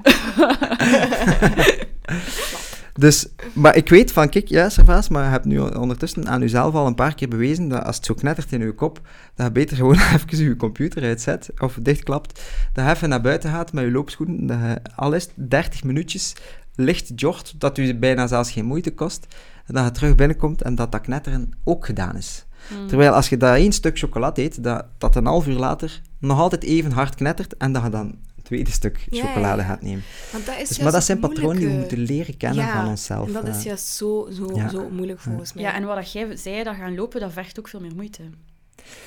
En je denkt ook het van... is actief, het Is, actief is dat gaan zo? Dat is de, doorbreken. dat is, dat Ja, is de vraag. maar- Wacht, ja. nee, nee, maar dat, dat is interessant, want nu zijn we Mhm. de psychologie onmiddellijk in praktijk aan het toepassen. Eh, want dat gaan lopen vergt heel veel moeite. Dat is, dat is een geloof dat jij hebt, hè. Ja, het is toch moeilijker ja. om te zeggen, ik ga mijn scho- Het is een meer, een meer stappen, hè. Mijn schoenen Ja. aandoen, in plaats van, ah, dat stukje chocolade dat naast mij ligt, gewoon pakken ja. en in mijn mond steken. Ja, dat is exact wat ik... Maar kijk, als ik een stuk chocola moet, dan, dan moet ik naar, naar de keuken gaan. Dan moet ik de kast open doen, dan, moet, ik, Mhm. dan moet ik de wikkel van, van die chocola... Maar je moet minder ik, tijd eh, kwijt. Ja. Buiten als ik mij, als ik, ja, ja, ik ben minder tijd kwijt, maar ik denk dat mijn productiviteit op het einde van de Ja, rit ja, gaat beter ja, zijn. procent. eh, procent, maar- sowieso. Dus, dus een, een, een limiet, ik ga even voortvertellen Ja, over ja, de, ja. het aandeel van de loopschoen. Wat dat ik mijzelf in het begin, wat ik deed, want ik, ja, ik, ik, was, niet, ik was niet gezond en is, is echt die drempel zo laag mogelijk ge- gelegd. Hè. Dan deed ik, zei ik gewoon van, kijk, als ik s'avonds thuis kom, no matter what happens, ik moet niet gaan lopen, maar ik ga wel mijn short aandoen en mijn schoenen aandoen. Eh, en Hmm. Mhm. heel vaak, ey, het is mij misschien maar in 1% van de gevallen overkomen dat ik niet ga lopen ben. Ja, anders zitten daar gewoon Ja. in je huis met je loopkleding. ja, maar, maar, maar ik, ik, dat was gewoon eh, die, die, die, die, die mildheid voor jezelf durven opleggen en zeggen van, kijk, je moet niet gaan lopen, maar doe gewoon even je loopschoenen aan en doe ze dan weer uit. Ja, ja. Maar zet dat eerst stapje. Dat is, dat is Dat hetzelfde met, met, met drinken van een glas water. Weet je, we zijn allemaal gedehydrateerd, we drinken allemaal veel te weinig. Dus als je nu gewoon zegt van, kijk, ik moet maar één ding doen, elke dag, en dat is gewoon opstaan, naar een glas water pakken, vol, en dat glas water opdrinken, want Mhm. ik ben zoveel vocht kwijt. Dat is al een gezondheidswinst voor veel mensen die, die super groot is. En zo, waar dat we altijd de lat daar leggen voor onszelf, als we dat nu een keer gewoon in kleine, Ja. in kleine Mhm. stapjes doen en, en alles, alles downbreken. Als je zegt van, kijk, ik wil, eh, ik wil veel meer groenten eten en ik, ik eet inderdaad nu de patat met stuk vlees en, eh, en één groente. Oké, vanaf deze week ga ik er gewoon altijd twee op leggen. Het is al dat ik moet doen. En als ik dat tot gewoond heb, dan Ja. kun je daarop voortbouwen. Dus break it down, weet je. Als we, als we met bedrijven of met weet ik veel welke projecten, doelstellingen, dan, dan breken we ze ook down. Mhm. Dus in gezondheid werkt dat juist hetzelfde. En, en dat doen we te weinig. Nee, we willen Mhm, altijd onmiddellijk dat ideaalbeeld en de perfecte Ah, sixpacker, ja, eh, ja, dat whatever zijn. zeggen, Ja, ja, ja, ja, inderdaad. ja. Maar- Maar nee, um, sta jezelf toe om, om, om daar naartoe te streven en, en dat gewoon rustig in stukjes te doen, Ja. die voor u haalbaar zijn. En, en misschien ga, ga, ga, ga ik hier stoppen, omdat ik hier vind dat ik, dat ik voldoende dingen doe. Mhm. En misschien ga jij verder willen gaan. Eh, Maar zou je dan Dus, ook niet eh, kunnen stellen, in, in, in, het, ehm, in het geval van eigen doe je sportschoen aan en je short, mhm. is dat dan ook niet een, een nieuw... Als het goed weer is, hè. Ja, anders een lange, een lange jogging. Maar is dat dan niet ook ehm, eh, een nieuwe neurale Ja, connecties Dat je dan automatisch... Dus. Ja. dan denk ik, oké, hè, stress. Mhm. En in plaats van dan te grijpen naar de chocolade, Ja. is stress, schoenen. ja, En dan Mm. stress, schoenen, short. voilà. Dus je legt nieuwe associaties. schoen- hè, ja. Voilà, dus Ja. ik denk dat daar ook de power in Een ligt. heel goed Maar- boekje daarover is Atomic Habits. eh, Ja, Ah, ja. ken ik. Dus, eh, ja, oké. Waarin dat je inderdaad door kleine, op atoomniveau, zegt Mhm. hij, eh, gewoontes, minimale dingetjes die eigenlijk geen moeite kosten, door die in je leven te integreren, creëer je op lange termijn, en weet het leven is een lange termijn project, hè. Eh, het is geen korte termijn project. En dat is veel sustainabler dan het volgen van een crashdieet of dan... eh, We hebben onze quote gevonden, denk ik. Het leven is een lange termijn project. Ja, dat kan een Ja. goede quote zijn. Ja. ik heb misschien nog een vraag over die eiwitten. Ja. Om even terug te Ja, ja, doe maar, doe eh, maar. De soort... ehm, Nee, ik ga u laten ja, nee, dus je hebt dat gezegd, hè, van dus die, die noot en die pulvruchten. Als je dat nu heel, heel specifiek wilt maken, dus ik Mhm. ga echt lijken de mensen die je bericht sturen. Hè. Hoeveel is dat dan? Is dat dan een handje bijvoorbeeld per Ja. keer? Hoe, hoeveel moet je daar zo wat... Ja, dat is een zeer goede vraag. En eh, het feit dat je het woord handje gebruikt, is, is een zeer goede maatstaf. Want iemand, onze grote struise kerel van daarnet, die heeft een groot hand en jij bent iets fijner. Dus jij hebt een iets kleiner hand. En onze hand is eigenlijk een ideale portie, portiemaatstaf. Eh, dus eh, een, een, een handje noten gaat Mhm. u eigenlijk de, eh, de juiste hoeveelheid geven. Dus ik heb in het recept hebben we eigenlijk een stukje de, de, de wiskundige berekeningen, want als je wiskunde moet erbij doen bij je gezonde voedingskeuzes, dan komt het er al Nee, helemaal niet nee, meer van. haak dan haakt je af. Dus, dus wat heb ik geprobeerd om te doen? Is eigenlijk gewoon om, om dat framework heel tastbaar te maken. En de, de handportiegrootte is, is eigenlijk altijd een vrij goeie. Ja. Ook op vlak van, eh, pakt u een duim, dat is een lepel, eh, pakt u handpalm voor een stuk vlees. En zo zijn er een aantal trucjes. Like voor noten moet je opletten van, ja, ze bevatten wel inderdaad heel veel van de juiste vitamines en, Ja. en van de macronutriënten ook. Maar ze zijn ook heel calorierijk. Dus Ja, je gaat heel rap met Ja. calorieoverschot zitten, omdat inderdaad vetten 9 calorieën per gram zijn Mhm. en eiwitten en koolhydraten maar 4. Ja.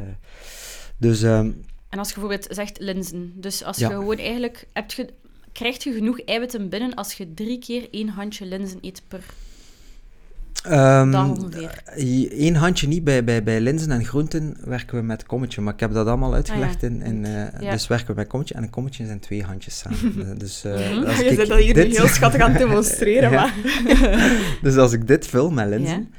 Dan, dan heb ik eigenlijk een heel mooie portie pilvrucht. Eh, Maar dat is Maar dat is- best veel, Ah, wel, hè? ik ging zeggen... Want, Ja, maar we moeten, we moeten ons lichaam ook voeden. Hè? I know, ja. maar dat, Dus, eh, dat, daar kom ik naartoe. Van, Mhm. Mensen denken dan altijd zo, ah, ik mag niet te veel eten. Nee, je Mhm. moet juist, je moet juist echt... Ja, geen rauwe linzen, hè? dus Nee, nee, nee, nee, gekookte nee. linzen. Ja, ja, En ja, is een kom en een halve kom is bij de rauwe. Ja, ja, ja, Ja. maar... maar Allee, dan denk je, ja, ik heb, ik heb niet genoeg of dit of Mhm. dat, maar als jij echt, je moet al je Ja. best doen om drie keer per dag zo een kommetje linzen op te Ja, maar-. Nee? Heel vaak gaan we ook te weinig eten. Eh, dus Ah, wel ja, dat is... Dat is D- ja, ja, Want dat is iets wat we heel vaak zien, waardoor dat we twee à drie uur later exact waar ik naartoe wil, ja. al terug... eh, en dan is de gezonde plantaardige voeding meestal niet ter beschikking. Mhm. En gaan we, Sure. gaan we het oplossen met andere dingen Ja. die ons dan gaan... gaan dus, Ah, wel. dus je zit beter dat je uw, in uw op je maaltijdmoment voldoende verzadigend eet, Eh, als ik zo'n pokeball eet met, met zo'n bord linzen en dan nog van allerlei andere groentjes erop doet, dan misschien, ja, ik hou van avocado. eh, Mm. Ik weet niet of je dat gemerkt hebt, maar op elk boek van mij staat er een avocado. Ja, ja, ja. De, Dus, ook eh, de afbeelding is gewoon... Dat zijn allemaal groenten, hè. Groenten en ja, fruit. ja, inderdaad. Like Dus eh, ja, maar dan heb ik goed gegeten. Hè. Eh, en Ja, dan heb je echt dan, dan heb ik liever dat te doen, dan dat ik om twee of drie uur 's middags dan toch begin te denken van, oké, Ah, wel, maar dat is Ja, net het ding wat, ja. dat, wat dat dan de, me- allee, de mensen zo vaak gaan, je moet dat wat minder eten en zo. Mhm. Maar als je echt naar Whole Foods gaat, dan, moet je, dan- dan... kun je verdorie veel eten voordat je... ja, en, en je eet gewoon totdat je verzadigd bent. hè. Ja. Eh, Blijft je ook niet dus langer verzadigd? Je blijft langer verzadigd, Ja. eh, maar je gaat ook... Je, weet je, die een bliss point en die artificiële... Waarom blijven we eten van, van de kunstmatige voeding? Dat is omdat dat, dat verzadigt ons niet. Eh weet je, dat is, dat is zo de, de, de twee vormen van, van eten. Hè. Je hebt eten om je fysiek te voeden en je hebt eten uit emotionele overweging. Mhm. Nou, eigenlijk omdat je iets dat onvervuld zit in je lijf of een gevoel of een emotie die je wilt wegeten. Eh, dat zijn twee verschillende vormen van eten. Dus het eerste is, is je bewust worden tussen die twee vormen. Als je honger hebt, dan stap 1 is, heb ik honger? Ja, als het antwoord ja is, van, ben ik zeker dat het honger is, of is het dorst? Ja. Dus ja, dat hebben ze eigenlijk ook verteld, kun je hè. daar al... eh, Ik doe dat nu, hè. als ik aan het vasten Ja. ben, dan als ik merk van oké, het is 11 uur, ik begin wat honger te krijgen, dan Ja. ga ik gewoon iets gaan drinken. En als je dan een glas en half water drinkt, Ja. merk je heel vaak van, ja, kan, kan Mhm. er weer tegen. Hè. Dus dat is stap 1, oké. Dus tot zover mijn herhaling. dat is oké, dat is oké. Stap 2 is dan van, oké, eh, is het nu een, een fysieke honger of is het echt een emotionele honger? Eh, en dat onderscheid is niet altijd makkelijk te maken, want, want Mhm. ja, dat vraagt ook stilstaan. Hè. Dat kun je niet in de waan van de dag, kun je dat onderscheid ook vaak niet maken. Dus dan moet je even op de pauzeknop duwen. En ja, onze maatschappij is niet gebouwd om op de pauzeknop te duwen. Jammer, maar helaas. Ik denk als er één Mhm. ding is waar dat we de wereld mee kunnen redden, is zorg voor in elke ruimte een pauzeknop en laat mensen toe om af en toe een keer weg te gaan en op de pauzeknop te duwen. Want, maar goed, dat, dat, dat wordt vervolgd, dit debat onget- ongetwijfeld. Eh, ik denk dat dat noodzaak gaat worden. Mhm, Eh, mhm. maar het is pas dan dat je kunt gaan onderscheiden van, ja, oké, eh, heb ik nu echt honger om, om, om mijn lichaam te voeden? Of, of is het een issue? eh, of, of ja, stress? eh, is het, eh, en, en heel vaak zijn het zijn ook kleine tekentjes die u gaan helpen. Hè. Als je cravings hebt naar, naar ongezondere dingen of naar één nutriënt in totaliteit, dan is het heel vaak het emotionele verhaal. Als je zegt van, nee, nu heb ik echt zin in in een goede appel met, met een stuk kio of, of fruit en groenten, ja, dan, dan gaat echt die fysieke honger zijn. Dat is, dat is een trucje. Een ander trucje is van, van die onverzadigende emotionele honger gaat je meestal ook blijven eten. Dan, dan word je echt het slachtoffer van, van dat bliss point en dan, dan eet je heel... Beginnen onbewust, ja. Ja, het is, het is zo dat, dat eetbuien ook kunnen ontstaan. Hè. Heel onbewust. Terwijl als je verzadigd bent van, van een heel gezonde, plantaardige en, en rijk aan nutriënten maaltijd, dan ga, dan ga je op een bepaald moment zelf zeggen, stop. Eh, dan, ai, kunt u eigenlijk bijna niet, niet over... Ja, tuurlijk kunt u altijd overeten. Ja. Maar, maar je lichaam gaat er ook anders mee omgaan, weet je. Je gaat eh, ten eerste door, door, trager, door alle nee? vezels dat je binnenkrijgt, door, door, Mhm. door het vocht dat daarin zit, door die stoffen die daarin zitten. Goed kouwen op je voeding, dat denk ik ook Ja. een heel belangrijk en heel Dat ook onderschat. eh, ja. Toen had hij mij En een ik heb, bericht ik heb gestuurd. nog een bericht gestuurd. En eh, de Rudy zei van, ja, hè, 30 keer kauwen per Ja. hap. En ik dacht, ik ga eens proberen. En dan had hij mij gestuurd. voor de mensen thuis. Een keer 30 keer? Voor de mensen thuis, kan ik het 30 keer per hap? mhm, ja, ja. Dat is echt moeilijk, Als hè? je niet mindful bent, is dat moeilijk. Dat is Ja. Echt Maar- moeilijk, hè? Maar het is, het is een oefening in mindfulness ook. Ja, ja, oh, maar En mindful eten, dat is ja, al helemaal de volledige key naar, naar, Ja. naar volledige Ik merk dat hè. ook, ik Want, ben daar heel want die component, daar hebben we het nooit over. Hè. Ah, wel, Ja. dat, dat was ook Dus, een van eh, de dingen dat ik zei in mijn intro. Hè. Dus ehm, eh, hoe dat je eet. Ja, Ja. En dat is dan echt zo ja, aanwezig zijn en niet met honderd andere dingen bezig zijn of naar een En serie scrollen, kijken op je scrollen scrollen, werken kijken, werken. ja. Dat heeft invloed op hoe dat je Nee, dat- is waar. Dus, dus eh, als je echt zegt van kijk, ik wil gezonder leven, ik wil bepaalde gezondheidsproblemen aanpakken eh, door mijn voeding, dan is eigenlijk stap 1 je heel bewust worden van, van eten. En er ook van genieten. Want Ja. weet je, eten is iets tof, hè? Zalig. Dat is, ja, dat is, dat, is, dat is heel plezant, hè? Dus maar we, we weten niet meer wat het is om daarvan te genieten. Nee, eh, zelfs als we s'avonds met, met vrienden gaan eten, hè, moeten we er allemaal twee of drie glazen wijn bij drinken om, om ervan te kunnen genieten. Maar eigenlijk, eigenlijk hoeft dat niet te hoeven. Dat is misschien een rare zin, maar goed. Ja, nee, maar... maar versta mij wel, hè. Mhm. Eh, ja, weet je, dat kan... Eigenlijk het eten op zich, ja, dat, dat kan ook een, een bewustwording worden. En dat is iets waar, dat, waar, dat, waar dat we de code nog niet voor gekraakt hebben. Van, weet je, als ik vroeger mensen over bewustwording en, en mindfulness hoorde praten, had ik zoiets van, ja, ze zijn daar weer, ze. En nu ben ik het zelf aan het doen. dus, eh, dus omdat, omdat het ook zo moeilijk uit te leggen is. Eh, Ja. Omdat bewustzijn is echt stilstaan. En stilstaan in deze wereld Is moeilijk. is, ja, durven we ook niet. Voilà, is, weet je, het is in een dus- durf. Ja, daar Ja, is lef voor nodig.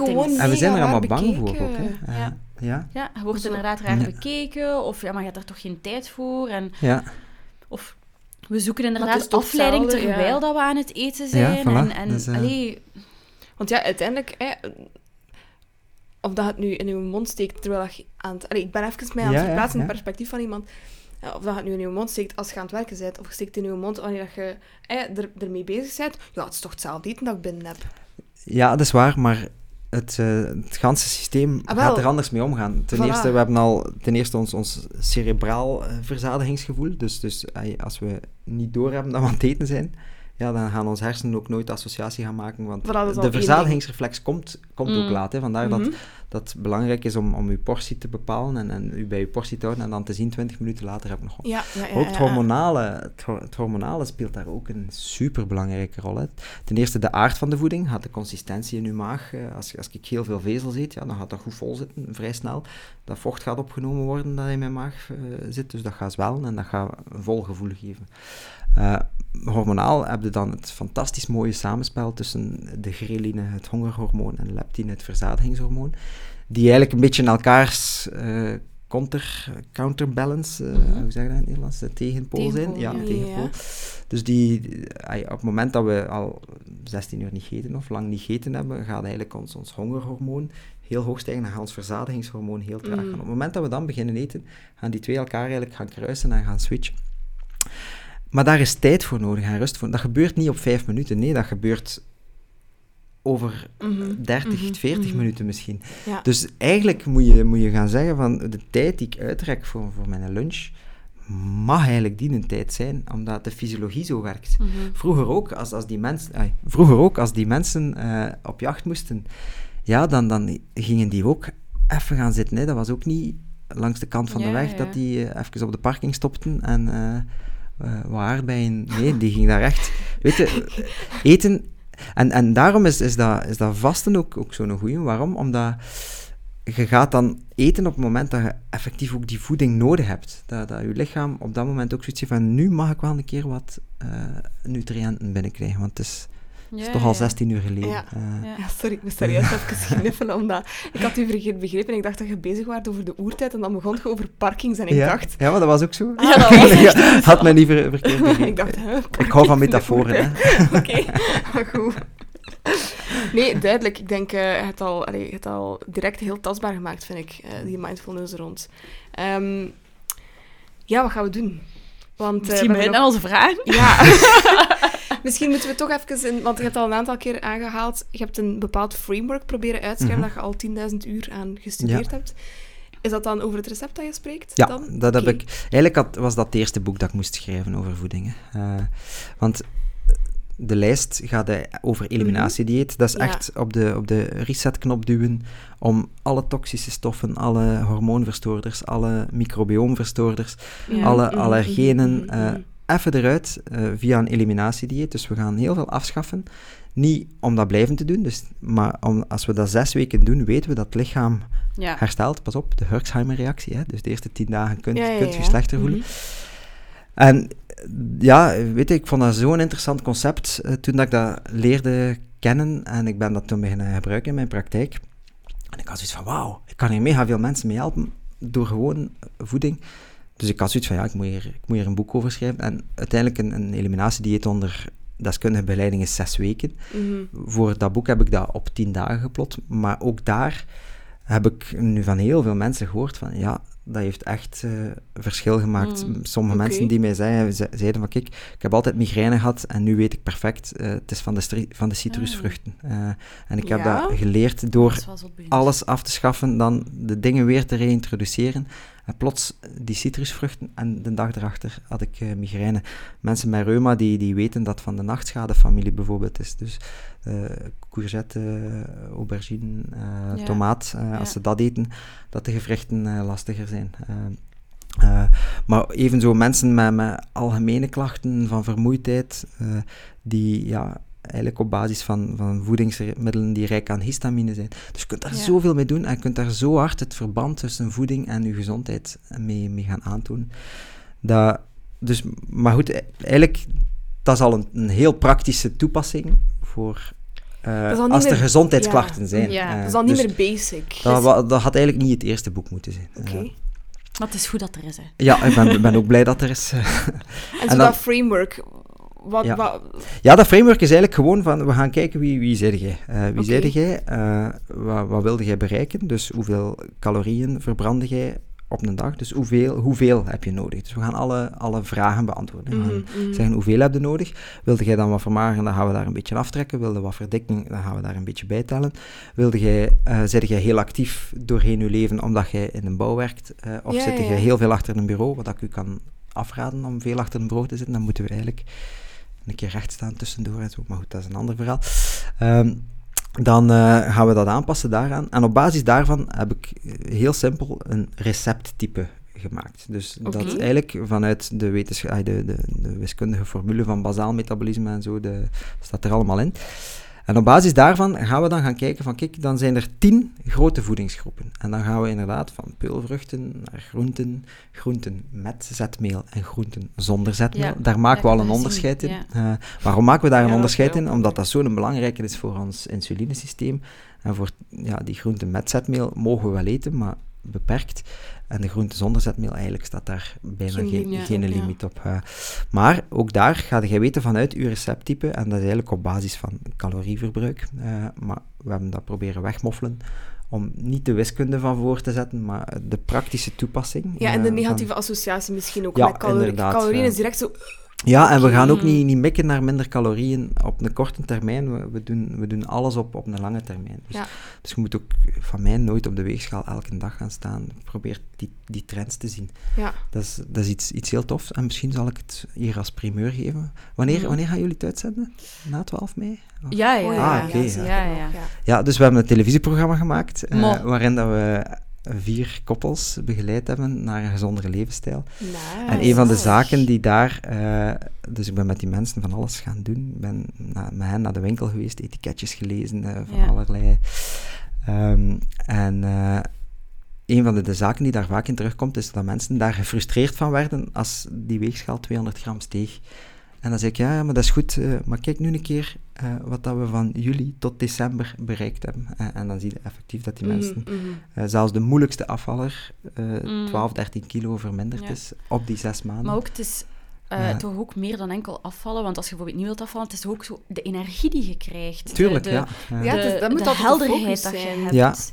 Ehm, Van gezonde voeding. eh. Ja, ja, ja, En, en, en van Mhm, te mhm. vasten en die, die Ja, twee ja. slim te gaan combineren. Ja, En dus, doe eh, je dat dan ook altijd intermittent vast met, met alle Nee, koppels? nee, ik heb voor iedereen eh, gekeken van waar zitten die mensen nu, wat, wat kunnen die aan, wat kunnen die dragen, welke sprongen kunnen we maken. Like, ik had daar één iemand die, die veel te zwaar was, die 170 en zoveel woog. eh, en de eerste interventie die ik met die mens gedaan heb, van kijk, gewoon 16,8. En je mag blijven eten wat je wilt. En, en, Mm. eh, Mhm. dus wat was het resultaat? Die mens begon met 16,8, maar die bleef massief veel eten. Dus ja, die viel geen kilo af. Ik zei, "Allee, hoe komt dat hier? Eh, ik zei, zei, wat, eet- wat eet je allemaal? Schrijf me dan een keer een week op. Eh, dan hebben we dat gedaan. Dan ben ik een keer gaan shoppen wat dat ene mens allemaal at op een week. Hebben we dat op tafel gelegd. Het is televisie. Het is televisie Ja, maar vroeger natuurlijk, was er ook zo'n soort programma. En als, Ja. in de UK dan staken ze van die kokers. Ja, ja, ja, ja, ja, ja. ja. Ja, ja. en dat super size versus super skinny. Dat, Dat, eh, Ja. Ja, ja. oké. Dus, en dan met, met, met hem gezegd van, oké, dit gaan we er nog bij doen, dit doen we er niet meer bij. En op het einde van de rit zijn we dan stapje voor stapje, eh, ja, dan is die mens ook een goede 27 kilo. eh, Ja. is die, en ja, het is nu even geleden dat ik hem gezien heb, maar die doet rustig verder. En die, die, is, ja, die, die heeft nieuwe gewoontes kunnen vormen. dus, Voilà, dus ik heb niet ja. geprobeerd om diëten te doen. Dus ik, heb, Nee. a- a- ik heb natuurlijk al mijn trucken die ik in, die ik in huis had... eh, ik- Alles uit boven ik- haalt. Ik boven gehaald.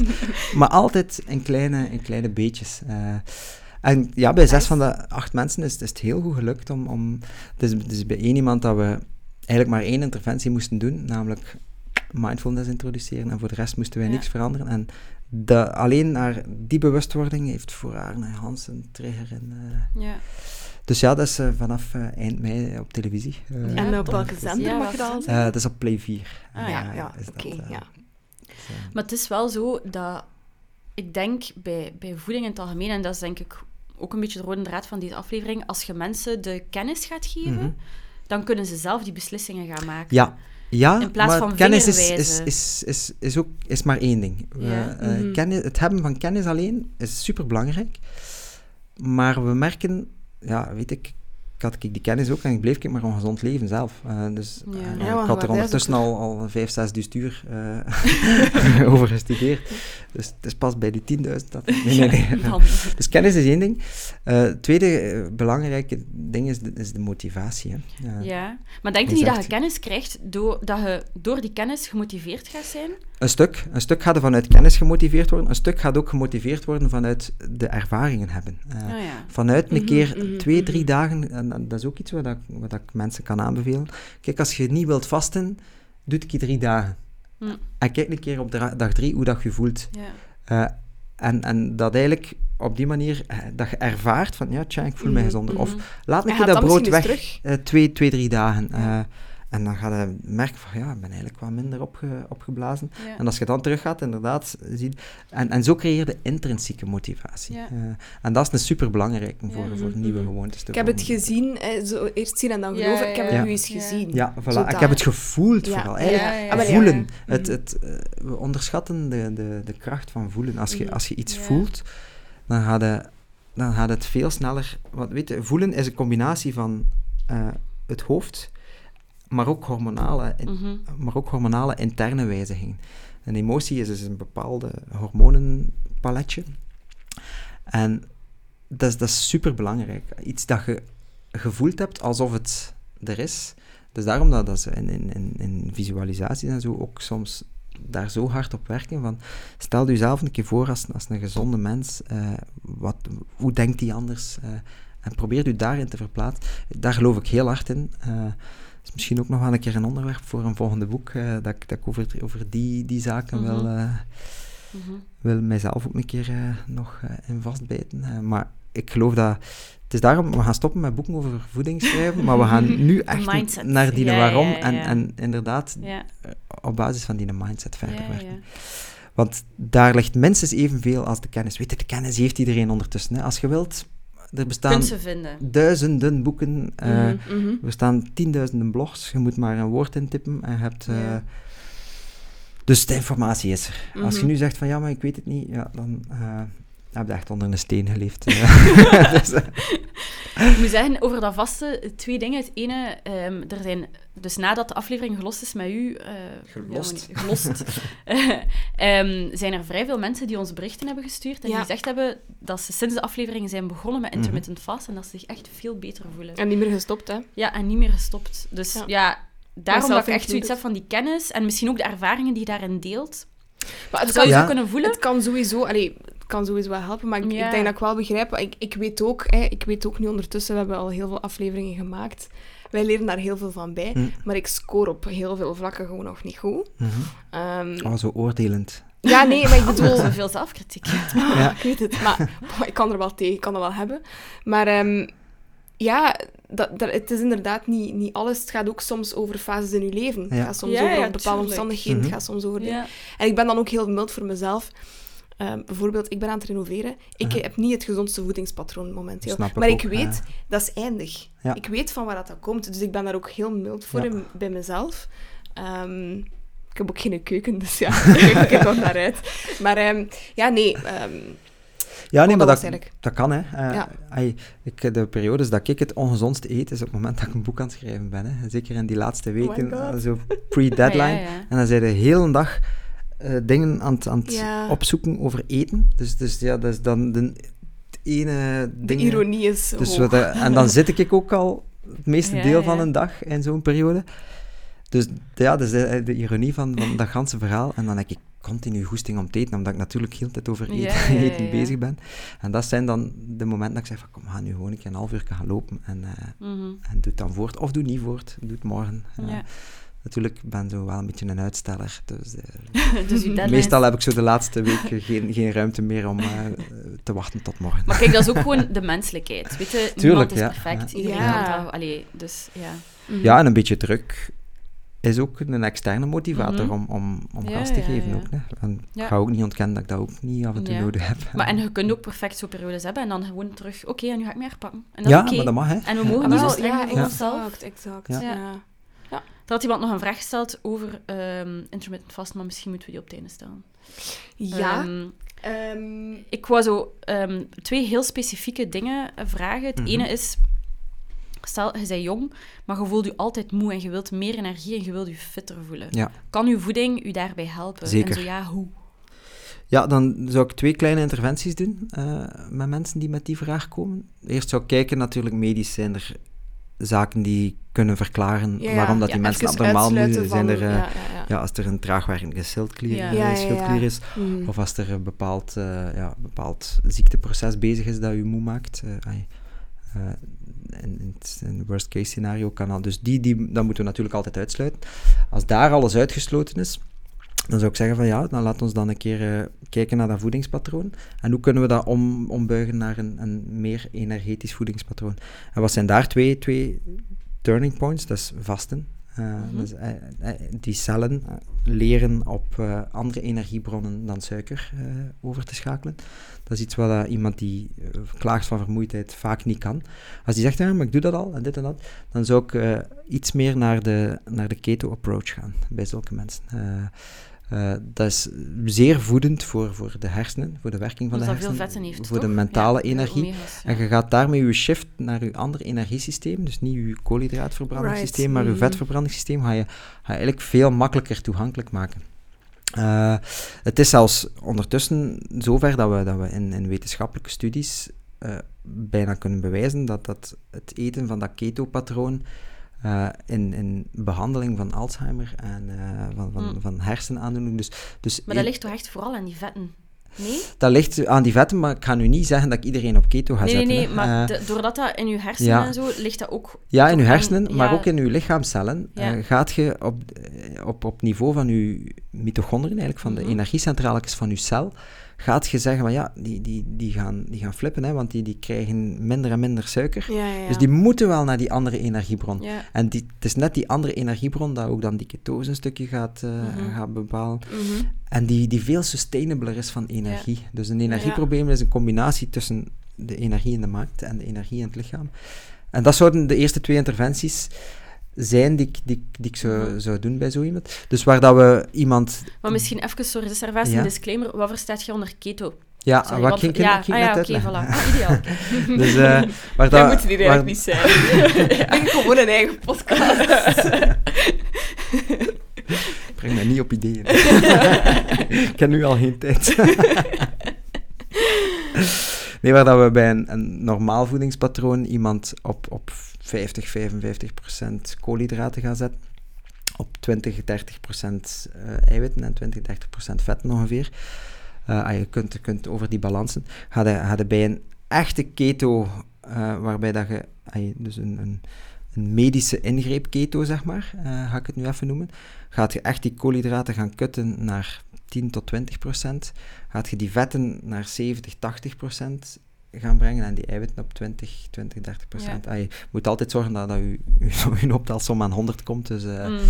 eh, dus, en ook, ja, weet je, je moet niet alles gaan, gaan afwegen, maar, maar dat zijn de verhoudingen Ja, die zo gaan shiften. Dus dat, is, dat is wel een redelijke shift. En dat kun je doen voor korte termijn. Eh, voor korte Ik ben blij termijn dat je het zegt, want ik dacht, oei, 10% Ja, koolhydraten. dus- Allee, Mocht je dat gerust doen, en ik ga, ik ga eerlijk zijn, van tijd tot tijd, als ik zo'n keer echt een periode heb dat ik, dat ik hyperproductief wil zijn, of zeg van kijk, ik wil eh, nu even Heel, Mhm. eh, heel, eigenlijk, ik heb getraind voor een halve marathon en ik wou even op die Mhm, vetverbranding trainen. Dan heb ik dat ook even gedaan, even zo gegeten en, en toch mijn trainingen daar, en mijn laag intense trainingen daarop gedaan. Dus dat gaat allemaal wel, Eh, maar korte termijn, want wat krijg je van, van, van zo'n voedingspatroon? Eh dat krijg je een enorme stress op de, op de bijnieren eigenlijk. Eh, Ja. dus we zien heel vaak dat Mhm. stress verslechtert op het moment dat je zo een heel extreem... Dus dan dan zou ik gaan kijken en misschien zelfs de, de, de keto-approach iets matiger doen. En, en die mensen bijvoorbeeld op 50 of 60 procent vetten zetten. Mhm. En dan de rest opvullen met eiwitten en, Mm. Ja. eh, en mijn koolhydraten. En Eh, misschien een... een Waarom? Omdat dat langer vol te houden is en, en eigenlijk veiliger is en minder belastend voor het lichaam. Want te extreem in, in één nutriënt, ja, wel. is nooit dat is goed. ook nooit Ja. goed. Hè? Ja. Eh, Maar en misschien, een, eh, misschien is dat een domme vraag, hè, maar kunnen die gewoon wat eh, supplementen pakken dan? Een bepaalde periode? In die vetten bijvoorbeeld? goh, vet als omega-3, supplement. Maar ja, nee, de Ah, ja, omega's. zo, ah, allemaal. Ja, nee, maar je hebt Nee, ook- ik dacht zo klontjes boter. Allee. Mm, dat, gaat, dat gaat niet zo effectief zijn als het vanuit je, vanuit uw voeding, Vanuit eh, je voeding vanuit uw voeding te doen. Ja. Waarom? Omdat het, het nemen van een supplementje is, ja, dat is de op de taart. Hè. Maar is dat niet eerder ook... nooit substantieel, eh, weet je, vo- dat kan met- supplement kan ja. uw voeding nooit ver- vervangen. dat is dat, is echt Mhm, die. Ja. piramide. eh, Ja. Je mag je pakken van supplementen wat je wilt, maar als die in basis van de piramide wel is, het waar. allemaal geldverspilling. Want het ding is, Dus, bij die, eh, bij Ja. die, wat, dat, wat dat mijn probleem is bij keto, is dat dat... Heel, heel veel mensen denken, keto, ah ja, het is goed. Mhm. Ehm, ik mag eh, gewoon van dat bewerkt, verpakt salami Ja, gaan dan is eten. en, een blokkaas. een- voilà, Ja. en mayonaise en eh, bacon en, En en heel- heel veel Ja, boter. maar dan, krijg je vooral de ja, ongezonde vetten binnen. voilà. Dan krijg je de verzadigende vetten, Ja. die je metabolisme ook niet gaan eh, positief stimuleren. Dus hè. welke het zijn kun die zo- onverzadigde vetten, die, die, die, Ja. de Dus de avocado's, de avocadoolie, noten. de voilà. eh, De, dus, eh, ja, ja. ja, ja. de noten, de zaden. Mhm. Maar noten en zaden gaan Vette dan vis eh, misschien. ook eh, vette vis. Ja. ja. Maar die gaan dan je koolhydraten. Dus, dus, eh, maar zo kun je wel gaan spelen met je, met uw framework. Hè. Zo kun je wel zeggen van oké, kijk, eh, ik ga nu misschien inderdaad een keer een, we- een half weekje het fruit niet doen. Want als je groenten Mm. eh, qua koolhydraatgehalte bekijkt en fruit, ja, dus dan eigenlijk al eh, zeggen van kijk, ik ga mijn koolhydraten gewoon uit groenten halen, is al een, een zekere keto-approach. Eh, Mhm. en is voor de meeste mensen eigenlijk al streng genoeg. Dus ik, raad het, ik raad het ook niemand aan om het, om het long-term te doen. Ehm, want ja, we zien echt wel het verband tussen, tussen snellere Ja. bijnieruitputting Ja, Mhm. en alle gevolgen van dien. ja. Ehm, om nog maar van de mentale onbalansen te zwijgen. En wat ga je heel vaak zien, dat die mensen dan na vier, vijf, zes dagen een carb craving krijgen, groter dan groot. En dat is gewoon de roep van de natuur, hè. Eh, Mhm. en dan zou ik zeggen, klinkt herkenbaar? Ja, veel dat gezegd hoor. En wat dat we dan gaan doen, is, is ja, dan gaan we natuurlijk naar de snelste carbs die we te vinden hebben. En dat zijn de, De winegums, ja. hè, eh, bijvoorbeeld. Ja. Terwijl dat, dat voor mij belangrijk is, en ik doe, als, ik, als ik mensen op dat patroon zet, zeg ik het ook. Van, ik zeg, kijk, op dag 5, elke zaterdag, eh ga jij zoveel stukken fruit eten. En, en Mm. om dat eigenlijk op die manier Ja, te gaan counteren. Weet je, het fruitsuiker in, in, in fruit zit toch aan de vezels, dus het gaat minder schadelijk zijn. Mhm, mhm. En ga misschien de craving twee dagen later echt gaan voorkomen, want we hebben ze nodig, hè, die, die koolhydraten. Voilà. En, en ja, Ja, ja. weet je, onderschat de kracht van eh, onze gewoontes en ons Mhm. lichaam gaat er toch naar roepen. Eén, niet alleen ons lichaam, maar ook onze geest. En er is eigenlijk nog een derde orgaan dat mee roept, eh, wat dat super interessant is, en dat is namelijk het microbioom. Want we hebben ook bacteriën die bepaalde suikers nodig hebben. En als wij die De darmen vier, vijf, bedoelde ja, dan. de darmbacteriën. Dus als we die vier, vijf dagen echt op keto gaan zetten, zonder, dan gaan die zoiets hebben. Ja, en, en dan kunt je eigenlijk de vraag stellen van wie krijgt de carb craving? Eh, is het onze kop? Is het ons lichaam? Of is het, de, zijn het de bacteriën in onze darmen? Eh, Ja. Dus daar gebeurt op dit moment ook superveel onderzoek naar. Super interessant. Ja, mega Ja. boeiend. Ja. Als je daar ook iemand voor kent, gut health, het is mij ook nog niet gelukt om Ja. daar Nee. iemand over eh, Ja. vast te strengen. Inderdaad. Ehm, Oké, en dan Ik ga daar misschien... binnenkort een online cursus over maken. Ja? Ah ja, kijk, maar ah ja, misschien terug. bij deze. Ehm, misschien Sarvaas, de middagdip. Heeft de middagdip te maken met wat dat we eten? Ja, heel vaak wel. Eh, Ik ben geïnteresseerd. Ja. Vertel een keer, want ik de middagdip is heel vaak gewoon een suikerdip. Hè. Eh. Dus wat gebeurt er als we, Ja. als we lunchen? Dan gaat ons bloedsuiker stijgen. Het lichaam heeft dat niet graag. Het lichaam heeft graag dat die suiker tussen grenzen blijft. Dus we gaan insuline gaan produceren. Mhm. Dus wat gebeurt er? Die insuline gaat zeggen, ja, kijk, beste suiker, eh, welkom. maar we gaan jullie gebruiken als Eén energie. binnen keer, alsjeblieft. Dus ga maar naar de spieren. eh, en de spieren gaan zeggen, ja, maar ja, we zitten achter ons bureau, wij hebben geen energie nodig. Oké, gaat dan maar naar de hersenen. Oké, die suiker gaat naar de hersenen. Wordt daar gebruikt. Eh, hetgeen dat niet gebruikt wordt, gaat naar de lever en wordt omgezet in vet. Maar door het feit dat die insuline daar is, gaat die bloedsuiker vrij snel weer gaan zakken. En dat is, dat is ook een, een vertraagd systeem. Dus die bloedsuiker gaat iets dieper zakken dan dat we begonnen zijn. Mhm. En dat is zo dat typische moment dat je zoiets zegt van, oh, ik heb nog een tas koffie nodig. Of dat je het echt Ja. soms zwart voor je ogen kunt, Ja. kunt zien worden. Eh, dus En ligt dat dan aan het feit dat je de verkeerde dingen eet, smiddags? dat zou kunnen, of dat je gedehydrateerd bent, eh, kan ook Hmm, een dus reden zijn. water dus drinken ook daar kan is, dus helpen. het water is altijd een antwoord op alles. Stap 1 is altijd water. Ja.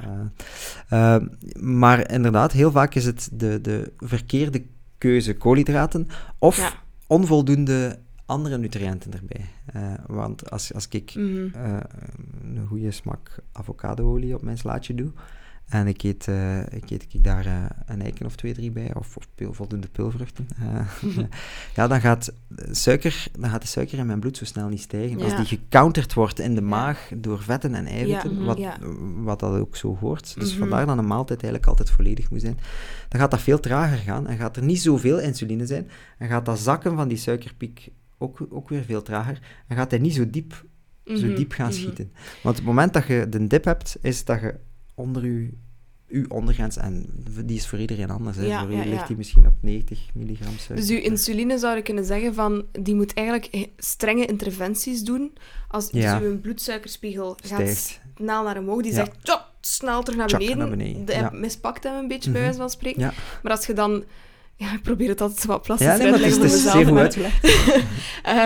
Ehm, als je dat dan met andere voeding, dan gaat die, die stijging gaan minder Die af zijn, maar die counterbeweging gaat waarschijnlijk ook Ja. veel zachter Dus je zijn. krijgt een, een zacht golfje, waarbij dat je een tsunami van- krijgt ja, eh, mhm. in, in het eerste geval. hè. Ja, oké. En, en dat, is, dat, is het, dat is hoe dat we onszelf kunnen overeten op dagbasis. Is als we s'morgens ontbijten met heel veel Mhm. snelle suikers, gaan we, gaan we Hans de dag door Ja. die, Ja. die Ja. Toppen en dalen hebben, dan gaan we dus de dag zitten Want het is, snoepen. het, is een, het is een reflex ook, hè. Ja, Je- je, tuurlijk. Je, zit onder je ondergrens, wat Ja. doe je? Weer Maar, en op dat moment beseft het niet, hè, maar voordat Nee. je het weet, heb je de, Ja, ja, ja. heb de zoete dingen binnen. Hè. Mhm. Eh, dus, eh, En ehm, bijvoorbeeld de componenten... frisdrank is ook een verschrikkelijk en slecht. Hè. Eh, eh, ja, skip. dus, eh, Andere naar colaverslaving? Ja. Eh, ja, cola. ah ja, maar middagdip, als je middags een cola drinkt bij je lunch, dan Ja? neemt je een Nee, maar ook niet cola één zero? richtingsticket Maar ja, om een dip cola Maar ook zero is een andere om een dip te hebben. Ja, Cola Zero ook, want Cola Zero Mm. gaat in tegenstelling tot het feit dat wat we denken, gaat een even grote insulinepiek veroorzaken. Eh, je al gezegd. dus, eh, rommel. Maar, eh, ja, nee, maar 100%. Maar ehm, wat ik nog wou vragen, veel mensen gaan bijvoorbeeld een wandelingske doen achter hun reden. Zeer goed. Is dat goed dan Zeer ook? goed idee, ja, want je gaat net je spieren openzetten, waardoor dat, Ah, ja. Ah, eh, ja, insuline met de suiker, suiker wel weg kan. kan. Eh, en dat, dat je eigenlijk al, al veel meer downstream ook het probleem gaat oplossen, waardoor dat niet alles aan de lever moet zijn, waardoor dat insuline eigenlijk harder moet werken. Want als het naar de spieren gaat, ja, dan kan, kan insuline snel zeggen, oké, ja, maar ja, kijk, die suiker gaat ga naar daar, dus... eh.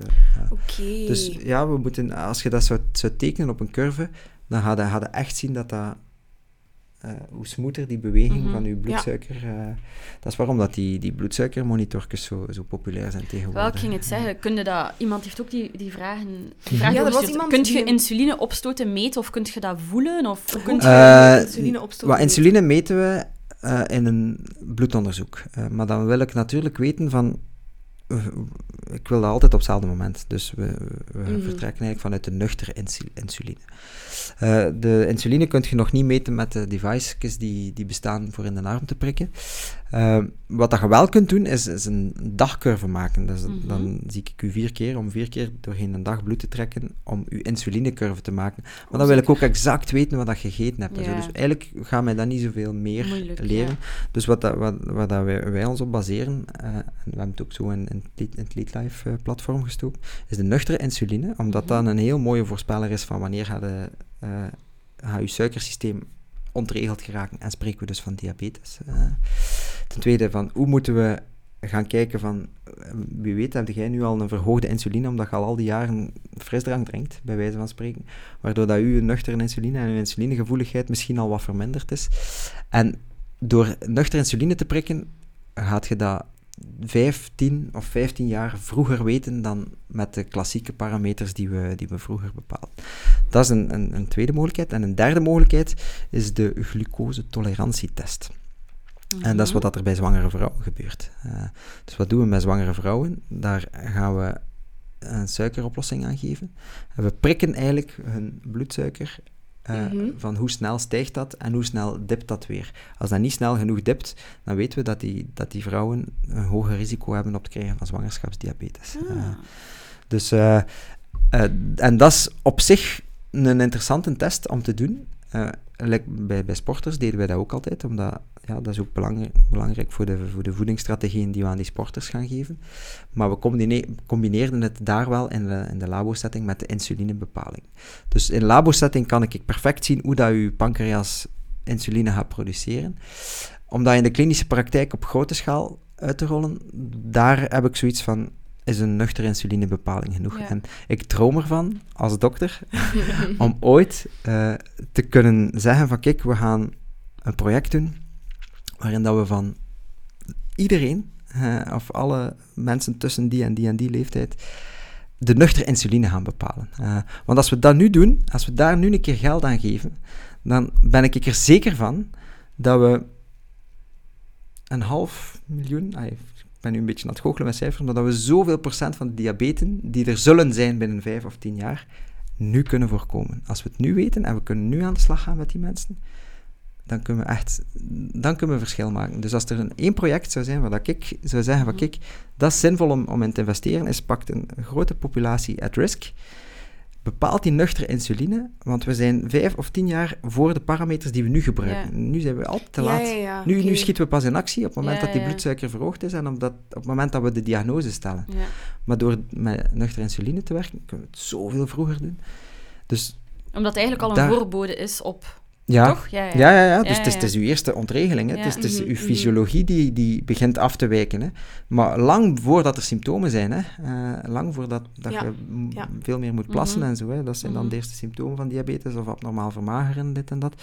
Ja, ongezond vermageren, hè. dus niet... Uh, dus door, door dat nu te doen, kunnen we heel veel mensen nu al beginnen begeleiden, beginnen coachen. Uh, ja, en dan zit het uh, ook wel effectief, sorry dat ik je onderbreek, maar dan zit het echt in de, in de... Het is uw podcast. Nee, nee, maar je zit de gast, maar dan zit het echt zo in het stukje van preventieve mm -hmm. gezondheidszorg ook ja, meer maar te gaan. preventief hè? is één zaak, maar alles wat dat we gaan doen om ons bloedsuiker te stabiliseren, je wil niet weten welk effect dat, dat heeft op je focus, op je productiviteit mm -hmm. ja. en op je energie. Uh, want dat is de reden dat we die energiemensen van daarnet op vasten zouden zetten. Dat is om die bloedsuikerspiegels te stabiliseren. Mm -hmm. Dus, en dat is het leuke, want alles wat we doen in functie van onze focus en energie en productiviteit op korte termijn, draagt heel hard bij om ons op lange termijn gezond te houden. Ja. En dat is... Het is niet dat dat elkaar tegenspreekt. Nee, totaal niet. Integendeel. Nee. Uh, hoe, hoe, productiever en hoe energieker dat ik nu ben, hoe minder kans dat ik heb op chronische ziekten uh, op latere leeftijd. Dat is dat is het schone van Hans dat verhaal. Uh, dus misschien moeten we wel stoppen met uh, mensen te beleren van je moet chronische ziektes voorkomen, want niemand ligt daarvan wakker. Dat is binnen 20 of 30 jaar, ja, I don't care. Maar misschien moeten we wel zeggen kijk, wilde hij productiever zijn, wilde hij het beste leven leiden mm. dat je wilt... Uh, en, en, moeten we die boodschap veel meer gaan, uh, gaan brengen. Ja, want het geweten gaat toch gaat bijdragen aan later dan Sowieso, de positieve ja. effecten dus, ervan. ja. Interesting. Ik vind dat een zeer goed. Ik wil, als je, als je een studie doet, uh, ik doe mee. Ja. ik hoop ik dat zal geen, dan ook uh, wel meedoen. Allee, ik hoop dat ik geen patiënt, risicopatiënt ben. Maar, maar um, nog, even, nog even voor mij, als ik dan... Um, eh, ik ben misschien wat insulineresistenter dan Hanna bijvoorbeeld. Ik zeg nu maar iets. Ik denk dat die kans wel er dik mm -hmm. in zit. Kan ik daar dan nog van terugkomen? Ja, absoluut. okay. Stop met cola drinken.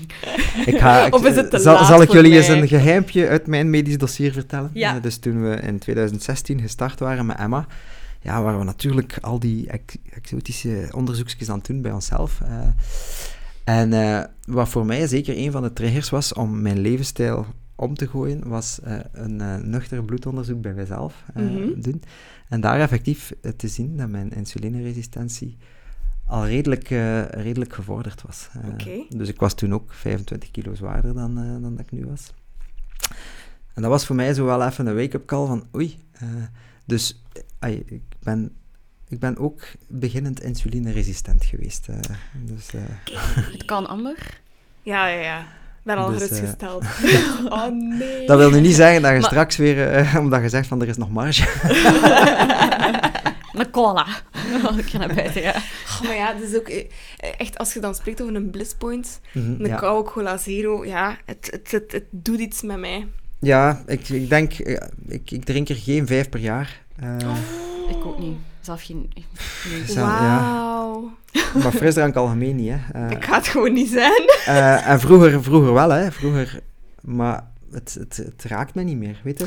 Als ik nu eh, wil drinken, dan... Voelde dat niet, by the way? Als je nu een cola zou drinken, Ja, dat dat plots een suikerpiek, ik voel ja, dat. En, en, en ook de, de, de onwennigheden in mijn darm voel ik. Ja. Want mijn darm zegt eigenlijk zelfs, dit is niet oké. Ja. Ah, je je lichaam vertelt het u. Hè. En als je, als je er dan... stel dat er dan toch een keer... Ik heb ooit een keer een feestje gehad waar dat ik er twee of drie gedronken had. Ik had echt hoofdpijn. Eh, Eh, cola's, dus, eh, wilde zeggen. Ja, Ja. cola zero was het. eh, Ja. Ik, had, ik had echt hoofdpijn. Dus, Zeg, je hebt daarnet gezegd, water komt op nummer 1. mhm. Wat, wat doet dat dan eigenlijk met ons lichaam dat dat zo belangrijk is? Ja, we behalve zijn, hydrateren. we zijn 60% water. Hè. Dus, ja, dus, en we verliezen continu water. Dus we verliezen water door te ademen. Hè, als je in de winter in je auto zo doet, Ja. Mhm. dan komt er zo water op je, je raam eigenlijk. Waterdamp, ja. We, we plassen, eh, Mhm. waar dat we ook vocht mee verliezen. We zweten. En eh, dan denken we altijd aan de zweetdruppels tijdens sporten, maar we verliezen makkelijk een liter zweet dat we niet voelen ook. eh, dat Hmm. gewoon onmiddellijk, dat Mhm. gewoon onmiddellijk verdampt. Dus ja, ik eigenlijk denk- zou al van zweten alleen een liter moeten ja, bijtanken. ja, zeker. Eh, dus, dus we moeten eigenlijk continu aanvullen. En dat doen we eigenlijk veel te weinig. Eh, dus we, ja, het kleur van de urine is, is voor mij een, een heel mooie graadmeter. Ja. Hè. Dus Mm. als dat, hoe geler, hoe meer gedehydrateerd dat je bent, hoe witter en helderder, hoe beter gehydrateerd. En dat is ook super belangrijk op lange termijn om onze nieren te beschermen, om het hele waterzuiveringssysteem en detoxsysteem, eh, als alles goed spoelt, maar ook voor cardiovasculair. Als, als we de- gedehydrateerd zijn, dan gaat eigenlijk ons bloed stropiger worden. We zien dat mensen met dehydratatie veel meer kans hebben op het krijgen van klonters. Eh, Ah, de hart moet, moet, moet sneller, sneller ai, pompen, harder pompen, omdat dat bloedvolume... Dus dat, dat doet ook nog van alles met, met, met onze bloeddruk en zo. Maar op korte termijn eh, is, is het gewoon echt performance van de hersenen. Hè. Eh, als er nu één, één orgaan is dat zeer watergebonden is, is, het, is, het- is dit hier, hè, tussen onze oren. En daar merk je dat de eerste cognitieve stoornissen al optreden van 2-3 procent. Eh, zelfs al een stukje voordat de dorst ontstaat. Dus dorst is eigenlijk een zeer late reflex, Hmm. die pas komt als we de dehydratatie... Dus we gaan al minder helderder zijn. En als we dat, zo met testjes, dat je kleurtjes en bolletjes op snelheid zo moet, eh, moet gaan doen, dan zie je echt al prestatieverlies op cognitief vlak vrij vroeg in dat proces. Als dat dan nog feller gaat, like mensen die dan eh, sporten bij extreem warm weer en, en 5% gedehydrateerd zijn, ja, dan gaan we naar de toestanden van, van slaperigheid, coma en zo. eh. maar 5% dus, gedehydra- gedehydrateerd, wat wil dat dan juist zeggen? ja, dat wil dan eigenlijk zeggen dat je, dat je 5% van je vocht kwijt bent. Hè. Dus ehm, Dat stel dat je 100 kilo weegt, hè, Ja. louter hypothetisch, hè, dat is gewoon makkelijk om zo te rekenen, dan zeg je het 60 kilo water. Ja, Als je dan 5% kwijt bent, dan zeg je eigenlijk 5% van het 60 kwijt. En dan mag de luisteraar eh, zelf Ja, even want eh, ik ga niet eh, uitrekenen.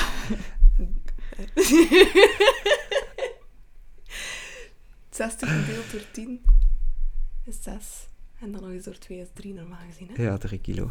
Dus, dus wat dat zeer billig is, hè, na, na het doen van een sportinspanning bijvoorbeeld. Ik denk, Dus dat wil moesten de mensen wegen voor de s- 16 miles, nee, de, 10 de miles. 10 miles, ja. Voor de 10 miles en, en na de 10 miles, dat er daar een aantal zullen zijn die makkelijk 2 à 3 kilo minder wegen, eh, gewoon Ja. van dehydratatie. Dus die zitten eigenlijk al op 4, 5 procent, wat dat re- redelijk extreem is. ja. Ah, wauw. Ja. Dus het is, Ja. het is echt zo dat je die, die absolute kilo's zijn dan kwijt in vocht. In vocht, ja, puur in vocht. En dat is ook wat dat er gebeurt bij, bij, bij diëten de eerste dagen. hè. Als je zo gaat crash-diëten, Ja, dan gaat hij de eerste twee, drie dagen twee, drie kilo ver, hij gaat super blij zijn, maar Ja, hij is gewoon je vocht. vochtbalans aan het, eh, Opfokken, aan eigenlijk. het opfokken. Ja. Dus eigenlijk ook als Ja. je dieet, heeft dat zelf een invloed op je cognitieve... Zeker, ja, zeker ook omdat een stuk van je vocht wordt vastgehouden door je suikervoorraden. Dus als je dan ketogeen gaat gaan eten, dan gaat je eerst die suikervoorraden opgebruiken, met, met vasten ook. eh, maar we willen dat ook, hè.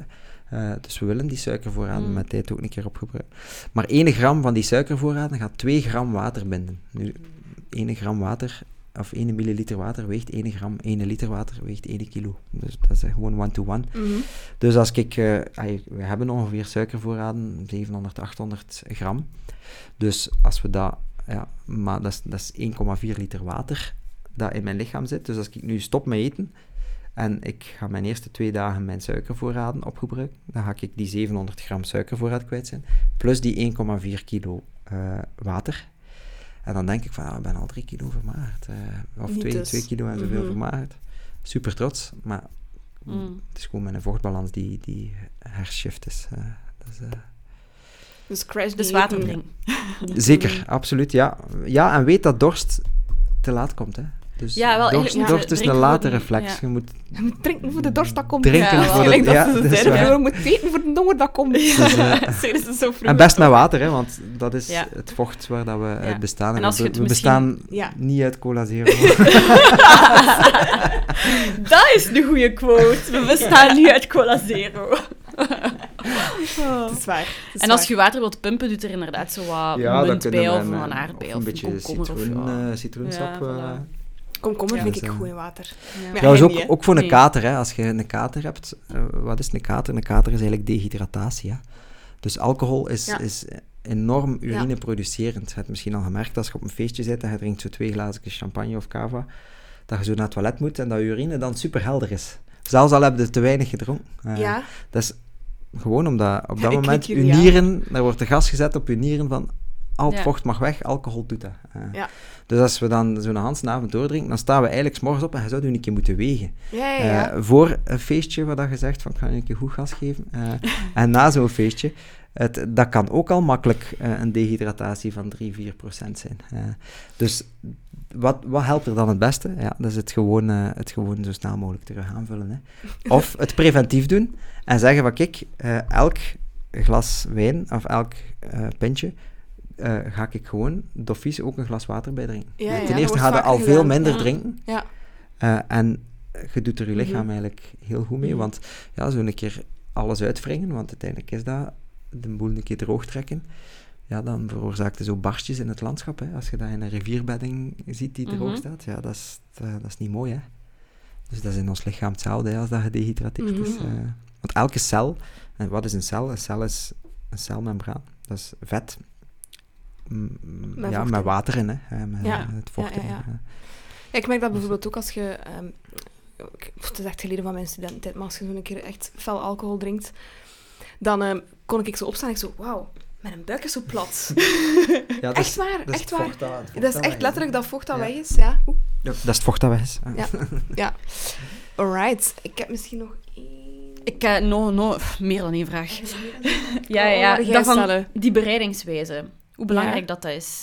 Eh, Ja, Of dat wat, is- wat dat is- vermijd ja, je misschien Dat is het best? verhaal van bewerkte voeding. Hè. Als er dan één is die we er moeten uitlichten, dan zou ik zeggen van eh, bakken en braden. eh, Maar van wat dan? Zit daar voorzichtig mee. Van groente, van v- Eh, vlees, van nee, alles? nee, nee. Van, van, zelfs onafhankelijk van wat.